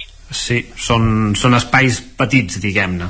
Sí, són espais petits, però a més a més, um, a part del, del problema aquest de l'abandonament, hi ha un altre problema que potser és fins i tot més greu, és que um, anteriorment, fa dècades, partíem d'una d'una ramaderia extensiva, és a dir, una ramaderia d'ovelles que anava amunt i avall uh -huh. i estava sedentària en, en, en, en els llocs. I avui dia el que passa és que tenim una ramaderia que és molt més intensiva, i a part de ser intensiva, ja no hi ha les ovelles que hi abans, sinó que ara sobretot el que hi ha és bestiar boví i aquí, sí. dir, vaques i, i cavalls, que el que fan és que es mouen molt més xafen molt més el territori, aporten mm, grans quantitats de matèria orgànica, orgànica a través de les fentes, i el que fa és canviar la composició del sol, el malmeten i canvien les, les, les espècies dels prats, s'empobreixen molt, es perden les flors, que en realitat és una font d'aliment per multitud d'animals, entre ells els polinitzadors, que són molt importants uh mhm. -huh. pel funcionament dels ecosistemes, etc. Que tenim aquest problema aquest canvi no, de, que amb el pas del temps hi ha hagut en el, a la ramaderia del territori eh, afecta a, a, a la zona de pastura tradicional i que, i que es modifica tant a, a nivell de territori, que és molt menor, com a, com a la fauna i flora que, que, que, que sortia o que vivia en aquests, en aquests espais. Sí, clar, primer si tenia en compte que és molt, molt ric, no? És dir, que, que diguem que els parcs naturals acumulen més biodiversitat que altres ambients, uh -huh. completament. Per tant, han de ser prioritaris a l'hora de, de, de, diguem, de, protegir, de protegir el patrimoni natural perquè, perquè, per, doncs per això, perquè n'acumulen molta més. Uh, llavors ara vosaltres heu llançat aquesta, aquest projecte, esteu fent uns, uns plafons informatius uh, per senyalitzar aquests uh, prats naturals. Uh, és això? I, I què podem veure en aquest, uh, què expliqueu en aquests plafons? Bé, en els plafons expliquem una mica el que hem estat dient, no? la importància, la, la riquesa aquesta extraordinària, una mica aquest, aquesta casuística que ha portat a que els prats en, en, a dia d'avui tinguin aquestes amenaces, no? Uh -huh. I també el és explicar una mica el projecte. El projecte no és res més que intentar, eh, per una banda, detectar eh, on són aquests prats, i intentar fer com un mapeig d'on ja, d'on encara trobem naturals en bon estat de conservació, i després en una fase següent és parlar amb els propietaris perquè al final tot el territori del Moianès és, és privat i per tant has d'anar i pagesos que menen o que, o que tenen en el seu en finques aquestes àrees eh, tan interessants intentar eh, per començar informar-los del que tenen del seu interès i d'intentar que és una gestió que no afecti negativament no, diguem, mm. la, la, la conservació d'aquests ambients no sé si ja heu fet aquesta, aquesta segona part, si, si l'heu començat a fer en algun punt de la comarca, si, qui, quina és la, la rebuda de, dels propietaris, en aquest cas, al, al projecte? Bé, hem parlat, eh, de fet hem, hem, hem parlat amb, amb tres o quatre ja finques que han respost molt bé, vull dir que la gent eh, bueno, ho, ho entén i, i, i en general volen, volen participar o volen ajudar a un projecte així. Uh -huh. Val. Però, Evidentment, clar, eh, és dir, ens fixem en zones sobretot que estan abandonades i que mirem de recuperar-les. És més difícil quan en el, la finca en qüestió hi ha una activitat, eh, diguem, ramadera important, el, és, més, és, és un repte més gran no? intentar doncs, que, que es facin les coses diguem d'una manera que no afectin tant. Mm -hmm. D'acord. Llavors, uh, clar, ens has parlat de, de les pastures de, de, de ramats, d'ovelles, per exemple. Uh, quina, quines són les solucions per, per conservar aquests paratges? No fer res, uh, incentivar pastures com les que hi havia abans o, o hi ha algunes altres iniciatives? Bé, va, incentivar la pastura extensiva és, és important dir, l'ovella ha desaparegut del nostre paisatge pràcticament i, i nosaltres tenim un territori que durant molts anys va estar modelat per l'ovella. L'ovella té un tipus de un tipus de pastura que és, és uh, genuïnament extensiva, és a dir, que es mou molt, un trepig que és més feble sobre el terreny, és dir, i les femtes són més, més fortes, es reparteixen més en el territori. Per tant, tot el que sigui anar cap a un tipus de pastura d'aquesta mena sempre és, sempre és positiu. Ara bé, també el, el paisatge ens ha canviat molt, ja no tenim aquelles extensions grans. Uh -huh. Tenim petites illes, per tant, eh, aquestes petites illes, si es pasturen també per ovella intensivament, poden tenir problemes. No sé si m'explico. Sí, que, que, que com que no van d'una banda a l'altra, ja, no, ja no tenen aquest, aquesta transhumància eh, tradicional, eh, si es queden eh, en una petita zona de, de prat natural, un ramat d'ovelles l'acabarà malmetent. Sí, sí, sí, clar, encara que siguin ovelles. Pitjor les, les, i l'aquí, que, és, que, uh -huh. que, és, que he explicat abans, perquè tenen un, diguem, una, un impacte més fort a nivell de terra.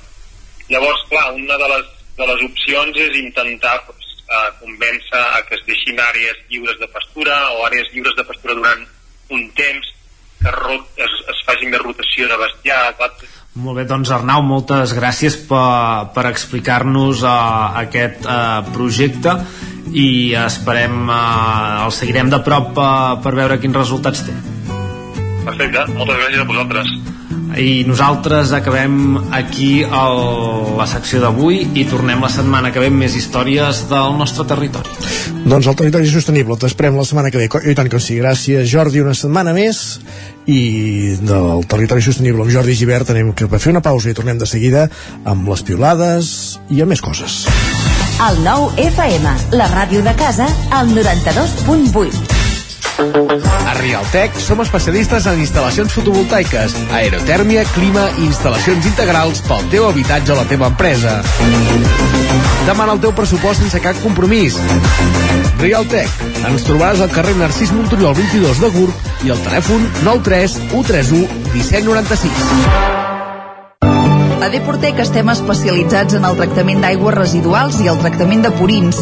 Donem un servei integral en el tractament de l'aigua, oferint el disseny de la línia hidràulica, reparacions i manteniment, analítiques, formulació i subministrament de productes químics. Ara a Deportec et podem ajudar a obtenir un gran estalvi energètic en la deshidratació de fangs, oferint-te un sistema innovador, el Depordisc. Deportec, ens trobaràs al carrer de la Fusteria 22, al polígon de les Gaules, a Tona. Ja tens la teva disfressa de Halloween? A Manli tenim les més terrorífiques. Vine a buscar caretes i tots els complements que et calguin per passar una nit de por. Ens trobareu al carrer de Ramon Soler número 1 de Vic i també a manli.cat. A Manli fem de la festa una bogeria. Passema, comercial de maquinària i utillatges amb més de 50 anys al vostre servei. Visiteu la nostra botiga i trobareu productes de gran qualitat. Passema, som al polígon Sot dels Pradals, al carrer Cervera 10 de Vic. Telèfon 93 885 32 51. Cobertes serveis funeraris. Els nostres tanatoris estan ubicats en els nuclis urbans més poblats de la comarca d'Osona per oferir un millor servei. Tanatori de Vic, Tanatori de Manlleu, Tanatori de Centelles i Tanatori de Roda de Ter. Sabem que són moments difícils i per això el nostre compromís és atendre-us en tot moment amb un tracte humà, sensible i respectuós. Cobertes serveis funeraris. Telèfon 24 hores 93 883 23 46. Cocodril Club. Si t'agrada la bona música dels anys 60, 70 i 80, escolta el 9 FM els matins de dissabtes i diumenges d'11 a 1. És el temps del Cocodril Club, tot un clàssic de la ràdio, amb les bases del pop-rock, les llegendes, les cançons que s'han convertit en autèntics himnes. Recorda, dissabtes i diumenges al matí, d'11 a 1, al 9 FM 92.8. Cocodril Club, el programa revival de l'Albert Malla. Hasta luego, cocodrilo. Anuncia't al 9FM. La màquina de casa. 9 3 8 8 9 4 9 4 9. Publicitat arroba al 9FM.cat. Anuncia't al 9FM. La publicitat més eficaç. El 9 FM, el 9 FM, el 9 FM, el 9 FM. En punt, dos quarts de d'onze.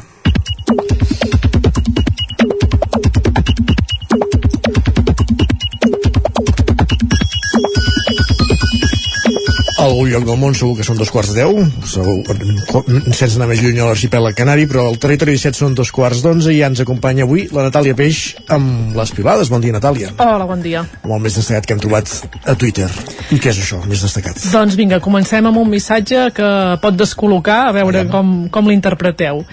Uh, diu, fa dia de fer-se un revolts pel Montseny i, i per les seves corbes. Teniu un dia d'aquests, vosaltres, avui? Mm, en Pep Acosta em semblaria que sí, perquè el veig molt apàtic últimament amb això del temps, doncs mira, potser anar a voltar amb cotxe pel Montseny i, i fer... I marejar-se una mica. Exacte. Però sense posar ningú en perill, eh? Això també és Exacte. important. Sí, sí. Uh, continuem amb una altra història també curiosa en Jordi des del Ripollès surto d'un bar de Camprodon que no ha personalitzat el wifi. La contrasenya la va escriure al seu moment un gat islandès a mi per activitat ballant claquer al teclat.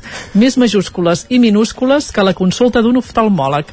La resistència és això, m'encanta fort. I tornaré, diu en Jordi el missatge... Eh... Home, és una manera dissuasòria, eh, de que la gent no se't connecti al wifi, també s'ha de dir. Potser va per aquí la cosa. Uh, entre les intervencions que ha generat aquest missatge a Twitter, una pregunta, li diuen després de quants intents has entrat? I ell respon, avui estava fi i amb un parell d'intents ja estava arreglat això. Home, per tant, doncs, exacte, felicitats des d'aquí encara en l'àmbit de la tecnologia, a veure si sou o no com la Noemí, que ens comparteix la seva estupefacció. Diu, nens i nenes, acabo de descobrir què és el Canva. Es veu que tots els mestres del planeta ho coneixien menys jo. N'esteu al cas, l'heu utilitzat. Els que no són mestres, què és el Canva? És una eina de disseny gràfic en línia que permet això, fer Ai, sí, dissenys prou aconseguits sense tenir-ne gaire, gaire idea, diguem. És ben cert. I anem a altres qüestions. Uh, no sé si com a una servidora us estan picant els mosquits encara a aquestes alçades de la tardor, sí. però ha estat un tema doncs, també de debat i, i de preguntes i d'intervencions a Twitter. Pregunta seriosa, diu la Mercè. Pot un mosquit atravessar una picada d'un mitjó tipus executiu? La majoria ja d'usuaris, sí. exacte, li diuen que sí. Uh, la Carla... I, i, I uns texans també, eh? jo també puc assegurar. I la Carla també en relació a aquests insectes diu acabo de matar un mosquit que podia fer perfectament més d'un centímetre de llarg. Per tant, també podia travessar uh, el mitjó. Medalla, medalla al mèrit, doncs, de la Carla, eh? Uh, la següent usuària tampoc suporta els mosquits. Em sembla terrorisme climàtic, diu, que a mitjans d'octubre porti tota la setmana despertant-me a les 7 del matí un puto mosquit. I aquell sorollet que tots també podem identificar. Canviem de tema. L'Estela diu pujada en un avió per anar de viatge amb la meva àvia perquè sí, com si fóssim dues amigues de 20 anys que se'n van de turisme. Aquesta dona és increïble, només aspiro a això quan tingui 80 anys. Doncs vinga, doncs... fantàstic, bon viatge i que sigui ben profitós. Exacte. I d'una experiència positiva de viatge, una altra de una mica més negativa. Ah, ja. la que ens explica en Marc diu, potser fer un viatge en cotxe amb l'amic que va crear el grup de WhatsApp Solo Audio Pedos Ai senyor. no ha sigut la millor de les idees doncs potser no potser no potser no I, no, clar, és que si algú crea aquest grup de WhatsApp ja de lluny, eh, d'entrada, però vaja, en fi. Sí, sí, i anar en un mateix vehicle, doncs, malament, un espai rai. reduït, malament, malament. I per acabar, eh, entrem potser en un àmbit més filosòfic, amb la reflexió que ens comparteix l'Anna. Diu, hi ha res més romàntic que anar a veure com surt el sol a les rondes de Barcelona? Home, doncs et diria unes quantes coses. doncs sí. Doncs, és tot. Perfecte, Natàlia, moltíssimes gràcies. Que vagi bé. Que vagi molt bé. Avancem al territori 17, ja hem fet un repàs a Twitter i ara el que fem és parlar de llengua amb la Cristina Enfrons. Territori 17, el 9 FM, la veu de Sant Joan, Ona Codinenca, Ràdio Cardedeu, Territori 17.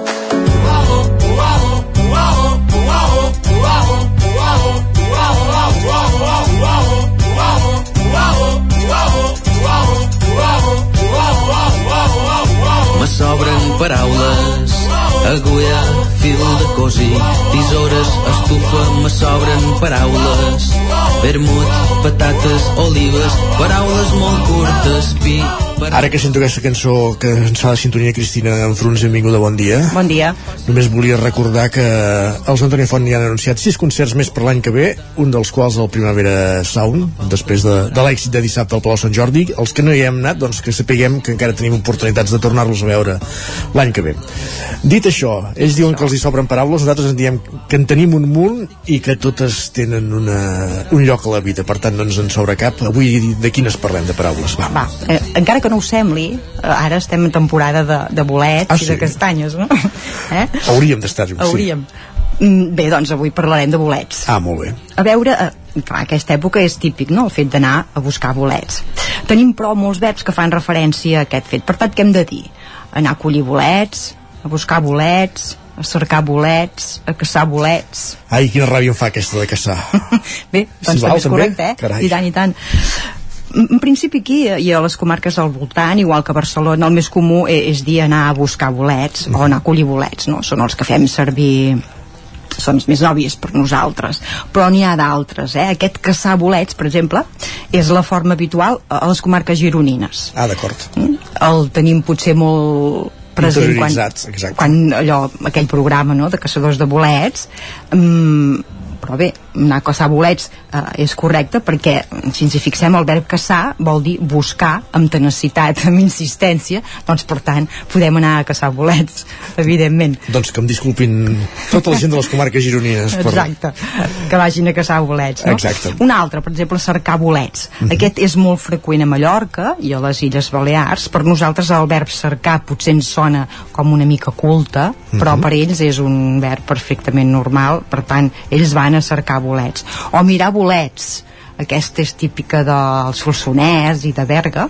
Van a, a mirar bolets Mirar si i- se les agafen no, el que anava a dir, els miren i els cullen, espero. i molts no, cap allà diuen. I, o per exemple també fer, fer bolets així amb, amb la R sonant que aquesta és molt pròpia del País Valencià el Garraf, el Penedès eh, anar a fer rovellons també en diuen. Ah, molt bé. per tant aquí tenim tot de possibilitats de, de, de triar a veure què volem fer. Buscar bolets, anar-los a cercar i evidentment mm, Isaac deixa'm fer una mica de, de dit de, de refranys Oh, d'aquests de, de típics de, dels bolets. Tants com vulguis, per exemple avui eh, si trobes una llora el rovelló hi és a prop. Aquesta és, no sé si és cert o no eh però diuen que si tu en trobes de, de dolents allà a prop a prop eh, i trobes el rovelló en Per, fons per, sí, això sempre que no hi hagi passat algú abans, clar. segurament. Però bé, eh, aquesta es diu. O per exemple, el rovelló cerca-li bon companyó eh, que diuen, tu en trobes un i després al costat eh, pots trobar-ne molts d'altres.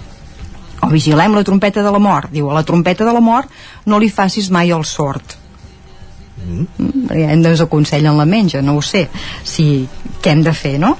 o bé vaig menjar un arròs amb trompetes dissabte i estava són bé. boníssims sí, sí, boníssim, l'arròs i exacte. les trompetes, sí. exacte, sí, sí o bé una altra, aquesta que és molt lògica, que diu bolet amb beina i corbata és segur que és dels que mata per tant vigilem amb aquests eh? per i exemple o bé bolets amb llet i que piquen si no maten, mortifiquen Carai. allò que fas eh, a vegades eh, que surt a... doncs bé, vigilem amb aquests tipus de, de bolets i per acabar, per exemple, diu el bolet i el moixernó de l'octubre és el millor apanyem-nos Segur que hi ha qui t'ho discutiria que diria que el rovelló, que el cep, però vaja, i fi. segurament eh, jo hi seria eh, d'aquestes Molt bé. Dit això, posem-hi música, no? vinga He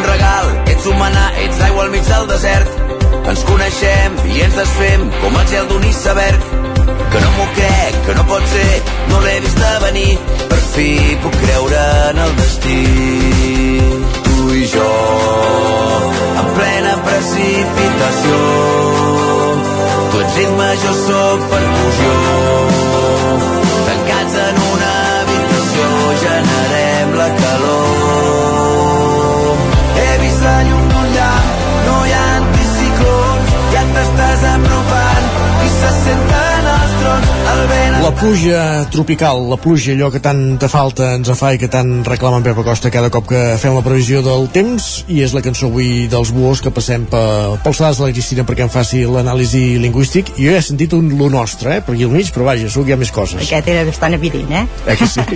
Bé, en principi comencem aquí eh, amb la frase que diu he vist la llum d'un llamp. Vigilem amb aquest la llum, eh? perquè pot ser la llum o el llum tots dos són correctes, segons l'article femení o l'article masculí, però tenen significats diferents. En aquí, en aquest cas, estaria, seria correcte, perquè seria, fa referència a, a, a l'energia elèctrica o també a, no sé, la llum, per exemple, si dius la llum que van tallar van tallar la llum uh -huh. o se n'ha anat la llum en aquest cas hauria de ser femení en canvi en masculí el, eh, quan hi ha el substantiu llum eh, fa referència a l'aparell que serveix per fer llum, és a dir, un llum d'oli o s'han apagat els llums, per tant aquí sí que estaria correcte que sapiguem que són correctes eh, tant en masculí com en femení, però amb significats diferents. I quan parlem del preu de l'energia? El preu de la llum, de la evidentment, llum, quan eh? és l'energia elèctrica serà en femení. Molt bé. Més endavant, quan diu no l'he vist venir.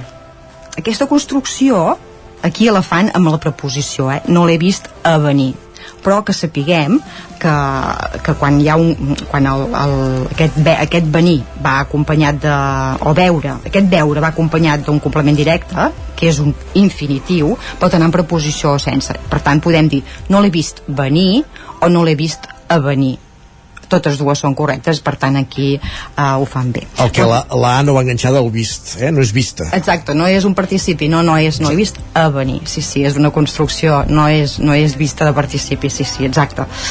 Aquesta que deies tu, lo nostre no és normal, evidentment, aquest, aquest lo neutre, vigilem, l'hem d'evitar, evidentment no, no és correcte, Ja- en ja- registres eh, eh, informals potser sí, A mi ja m'esgarrifa ja quan ho, ho substitueixen per un nostre, que llavors ja és el, el sumum de...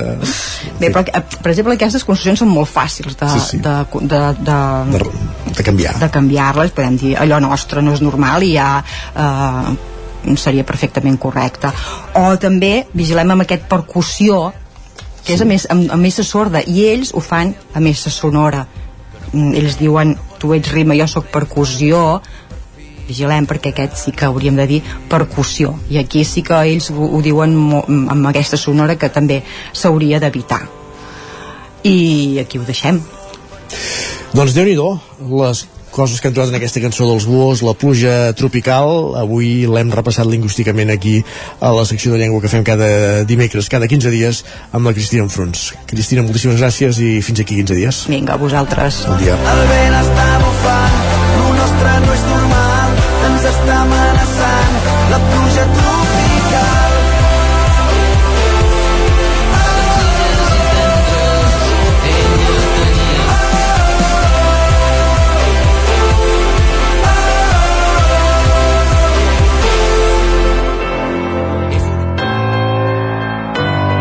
Territori, Territori 17. 17. Territori 17.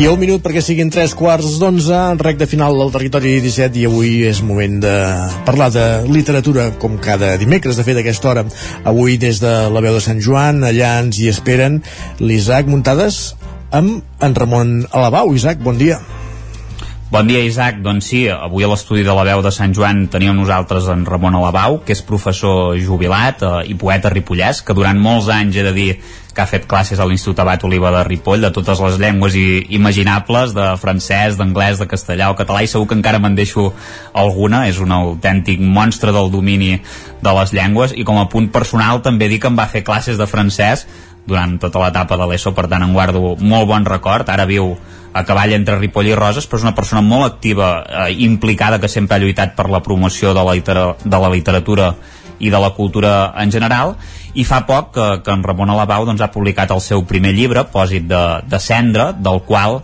en parlarem avui. Bon dia, Ramon, i, i moltes gràcies per haver vingut fins Bon aquí dia. a Sant Joan. Bon dia i gràcies a vosaltres. Ramon, primer de tot, com és l'Isaac com a alumne? O com era l'Isaac com a alumne? Mm, molt responsable. Sí? Sí. I eh, de, de l'imatge és que com ara, quasi bé. Podríem dir que no ha canviat gaire, eh? I era del Madrid, també, llavors, o no? Com aquell adolescent de, de, de 17 anys. I era del Madrid, llavors, també o no? no, és que no havíem tractat aquest tema. Veus? No l'havíem no tractat, això, això ho deixarem per un altre dia. per començar, Ramon, bueno, ara ho hem dit, has estat molts anys professor. Sí. Uh, durant tot aquest temps, no sé si has pogut uh, copsar l'interès uh, dels alumnes per la literatura. Com el descriuries? Ha anat a més o menys? Jo, jo diria una altra cosa. Eh, eh, parlaria del, de l'interès que té per les institucions la literatura, perquè avui dia no té, no té cabuda gairebé en, en el món de l'ensenyament. I això és molt trist. I avui dia que precisament tenim doncs, els mitjans eh, eh de, de, internet, etc, on un pot recabar molta informació, podríem dedicar tot aquell temps que fem, que fem per aprendre noms d'escriptors de, de, i obres a crear l'afició la, la, per la literatura, per la lectura, perquè el, el coneixement no és és, no és una, un, un cúmul de dades a dins del cervell, sinó és precisament l'educació de la mirada, la mirada que tenim sobre nosaltres mateixos o la societat en la que vivim. Per tant, per vertebrar l'individu no hi ha res com la literatura. I sembla que com que no és rendible econòmicament, doncs realment no té interès per part ja de les mateixes institucions. déu nhi uh, Pòsit de cendra és un recull de, de poesia. D'on ve l'origen per fer aquest llibre i quin tipus de poemes hi, hi trobem? Sembla una incongruència que sigui un recull quan és el primer llibre, no? Jo escric des de fa 30 anys, amb, potser amb la vocació de que algun dia això arribés al públic, però fins ara no ho he fet. I és un recull de poemes de diversa índole. Hi ha des de sonets, hi ha haikus, hi ha poesia doncs, sense rima, naturalment, hi ha poesia visual, hi ha, i, i la temàtica també és molt, molt diferent. Hi ha, doncs, no sé, la nostàlgia, la infantesa, eh, la, reti la retirada republicana, on hi ha un poema que jo crec que és un dels més reeixits, que és la, la, la pèrdua de la llengua pròpia i així hi ha tres, tres, són tres, eh, tres eh, poesies. La primera és en català, l'altra s'han esborrat una sèrie, una sèrie de paraules d'aquell text però romanen les més, les més dures i aleshores tenim finalment la, la, la versió en francès. És la, la, la pèrdua de la identitat eh, de la llengua per tenir una altra identitat que en aquest cas era la dels exiliats a França.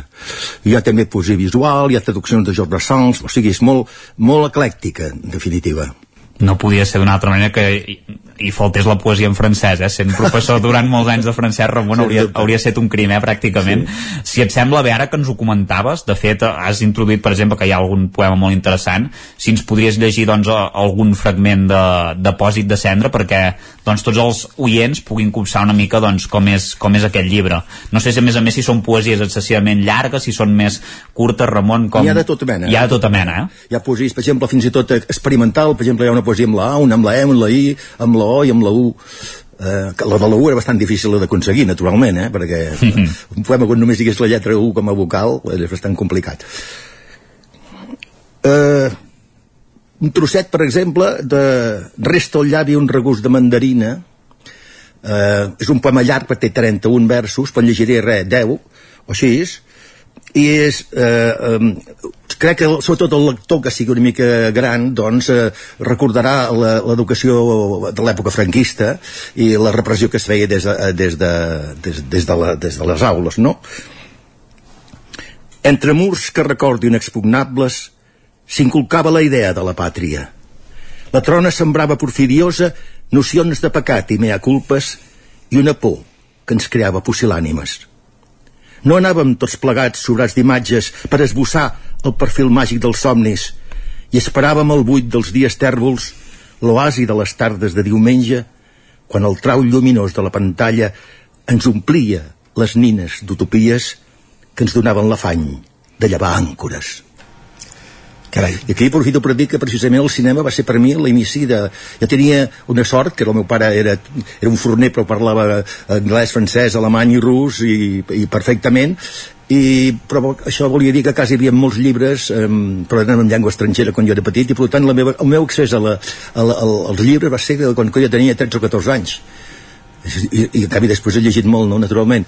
Eh, i en canvi al cinema ja anàvem al cine i veiem pel·lícules, les discutíem per tant ja podria dir que el cine va ser la meva porta d'accés al món de la cultura. Sí, de, de fet un incís, eh, me'n recordo en les classes famoses de, de francès que també posaves, a part de moltes cançons també es posaves curtmetratges i això que també sí. és una manera de d'aprendre d'aprendre la llengua ja, ja ho vas transmetre de- d'aquesta manera i tant, sí, sí Ramon, com és que fins ara no havies publicat cap, cap llibre de poesia, cap llibre en general? Perquè abans ho deies, és el primer però és un recull, no? Per, per, per, per tant, recull. escriure, escriure bé que ho has fet. he escrit molt, molt. Tinc, tinc, tinc l'ordinador ple de... Bueno, potser hi ha 1.500 poemes, eh? Perquè són molts anys d'anar... I, I també hi ha relats, eh? Però sobretot el, el, meu, el meu terreny és la, és la, la poesia. I potser no hagués publicat si no hagués un fet per mi dol molt dolorós que va ser la pèrdua de la meva dona el gener del 21 i abans de morir totalment lúcida i a casa afortunadament en aquest temps de pandèmia ella em va fer prometre que publicaria perquè és clar, sabia, ella era la, la meva única lectora, per dir-ho així, i algun de, amic de Ripoll que se'm anava dient també, ah, va, publica, publica, i en canvi jo doncs soc com això una mica mandrós. I escrivia, al principi com escrivia, escrivia per mi. Jo era el lector de mi mateix, per volia saber, saber realment com era jo. I no hi ha, no hi ha millor manera de conèixer que des, desentranyar-se eh, escrivint, no? Vas anant al fons de tu mateix, al fons de les coses. Però després, doncs, al dir-me això va ser el primer que vaig fer i crec jo que, bueno, ara m'he agafat l'afició i crec que continuaré publicant eh, poesia que ja tinc escrita, esclar, o sigui, no es tracta ara de posar-me a treballar i eh, forçar les, les muses que vinguin a ajudar-me, sinó que ja està feta la feina, l'únic que serà, doncs, és publicar-ho. Mm -hmm. Sens dubte, doncs, bueno, això, no? que a, a partir d'un element potser més aviat, eh, podríem dir, tràgic o, sí. o que en el seu moment va ser trist, no? doncs sí. tant pesa això, però realment doncs això t'ha servit per, per acabar-te de decidir, no? que també és lo important. I ara ens ho deies, eh? que també tens això, eh? tens 1.500 eh, poemes, has dit, tens molt de material, Mm, ja la pregunta és obligada, Ramon, vull dir, ja tens previst, suposo, no? fer un altre llibre o... Sí o alguna altra Tinc un obra. altre que, bueno, que, que és un llibre llavors que és un llibre complet que es diu Lava Blava que en el fons eh, ve de la... Bueno, és com pòsit de set de temps això. Què, què queda de, de les vivències? S- Viure és, és incendiar-se, en definitiva, i queden a les cendres, finalment. I lava blava també, la lava és vermella, però seria la lava de la vivència, perquè si, no, si un no es crema, doncs eh, t'has de fer cremant-te moltes vegades, no? Desfent-te tu mateix, no? I què queda, doncs? Queda la lava blava de la, de la literatura, queda la, la, el blau de la tinta que substitueix el, el vermell de la sang, no? La poesia, eh, no sé si és la millor manera de dir-ho, però és la germana petita de la literatura o creus que és una percepció errònia? La gent està molt acostumada a llegir grans bestsellers, novel·les, llibres de famosos, autosuperació, i ha deixat de banda la poesia? Sí, hi ha moltes, moltes raons, sens dubte, no? La veritat és que si vas a una biblioteca, eh, ai, a una biblioteca, una botiga de, de llibres, o llibreria, eh, l'espai que dedicat a la poesia és mínim, no? Crec que hi ha molts factors. Un és, i, i en canvi als adolescents els agrada escriure poesies, el que passa que això és un costum que es perd després. Però eh, moltes vegades eh, és llegir erròniament, perquè, home, llegir sempre és positiu, però si li dones a un adolescent un llibre complicat, aleshores el que estàs fent és vacunant-te'l contra la, la literatura. No estàs encomanant-li el gust per la literatura. I llavors la poesia, sol, o bé, moltes vegades és molt hermètica, que si no tens a davant el- el- el- l'autor, doncs potser no l'entens. Jo he llegit molta poesia i, i he de reconèixer que moltes poesies no les entenc, o a vegades també és molt, és molt bueno, allò de light, que et de- et deixa sense res. Jo crec que lo important de la poesia és que el lector, el qual l'hauríem d'iniciar des de molt jove, i ara hi ha, hi ha professors que s'hi dediquen a això de totes maneres, que introdueixen la poesia a les aules, eh, doncs eh, iniciar el, els joves perquè eh, descobrir que la llengua, moltes vegades, enmig de la xerramec que, que hi ha avui dia eh, tot arreu, vull dir, eh, estem, estem inundats per les paraules, i que hem de trobar aquelles quatre paraules que siguin capaces de definir o sigui, aquella labor de síntesi. És que això cal una preparació que fa que el lector normal, si ha, si ha llegit poesies realment eh, impenetrables, és molt difícil que s'encomani aquest gust per la lectura. Hauria de ser una cosa gradual. Uh, això és una feina que crec que el, que- la- la- el món de l'educació hauria de canviar moltes coses i, ell, eh, i, i dedicar-se sobretot a aquelles assignatures que també eh, doncs, ajuden a formar o a vertebrar l'individu, com dèiem abans. Eh? Precisament, però... Potser més eh, pràctica que, que teoria, no, Ramon? Que a vegades també és una mica el que... jo he, he trobat, per exemple, a vegades que, que, que, que tu els, els ensenyaves un, o sigui, desentranyar una poesia. Per exemple, hi ha una poesia que és monosil·làbica francesa, que és genial. Perquè li expliques quatre maneres de veure i vols dir al final als alumnes carai, doncs aquí hi ha molta cosa que jo no havia, no havia descobert això com veure un quadre que si tu eh, potser l'art clàssic és difícil d'entendre perquè els hi falta molts referents no?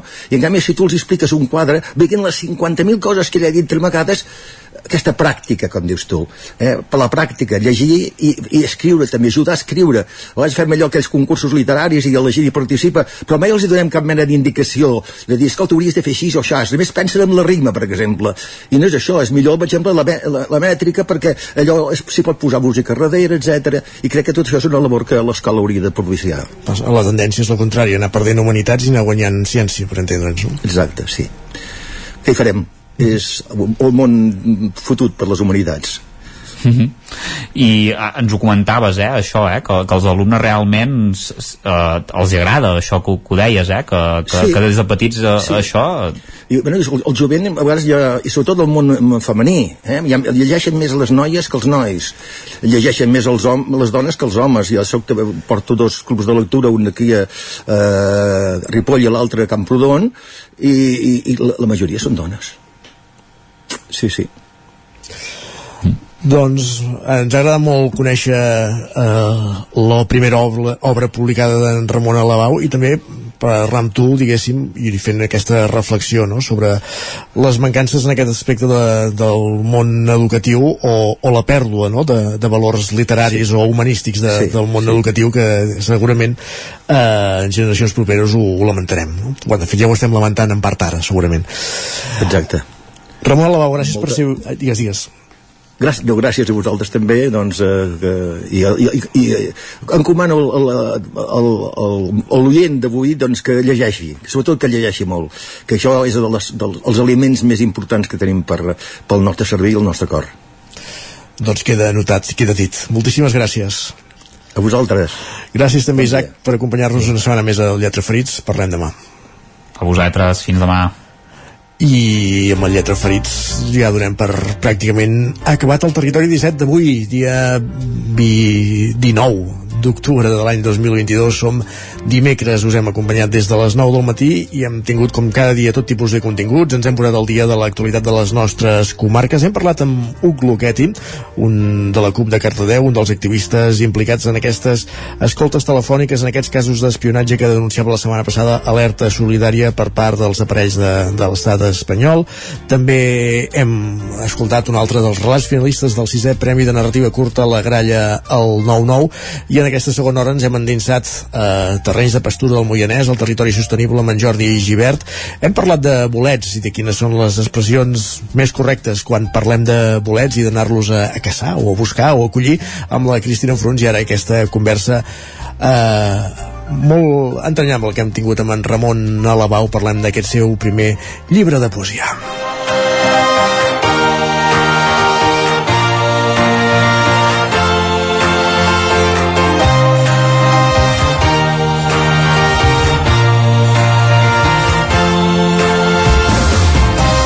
Tot això ha estat avui, però el Territori 17 i torna demà, com cada dia, a partir de les 9 del matí. Fins demà, fins aleshores, rebeu una salutació cordial de tot l'equip del programa que avui l'hem format. Pep Acosta, Pol Grau, Caral Campàs, Jordi Givert, Natàlia Peix, Cristina Fruns, Isaac Muntades, Sergi Vives i Isaac Moreno. I tornem, com dèiem, demà a partir de les 9. Fins aleshores, que passeu molt bon dimecres. Gràcies per ser-hi. Adéu-siau.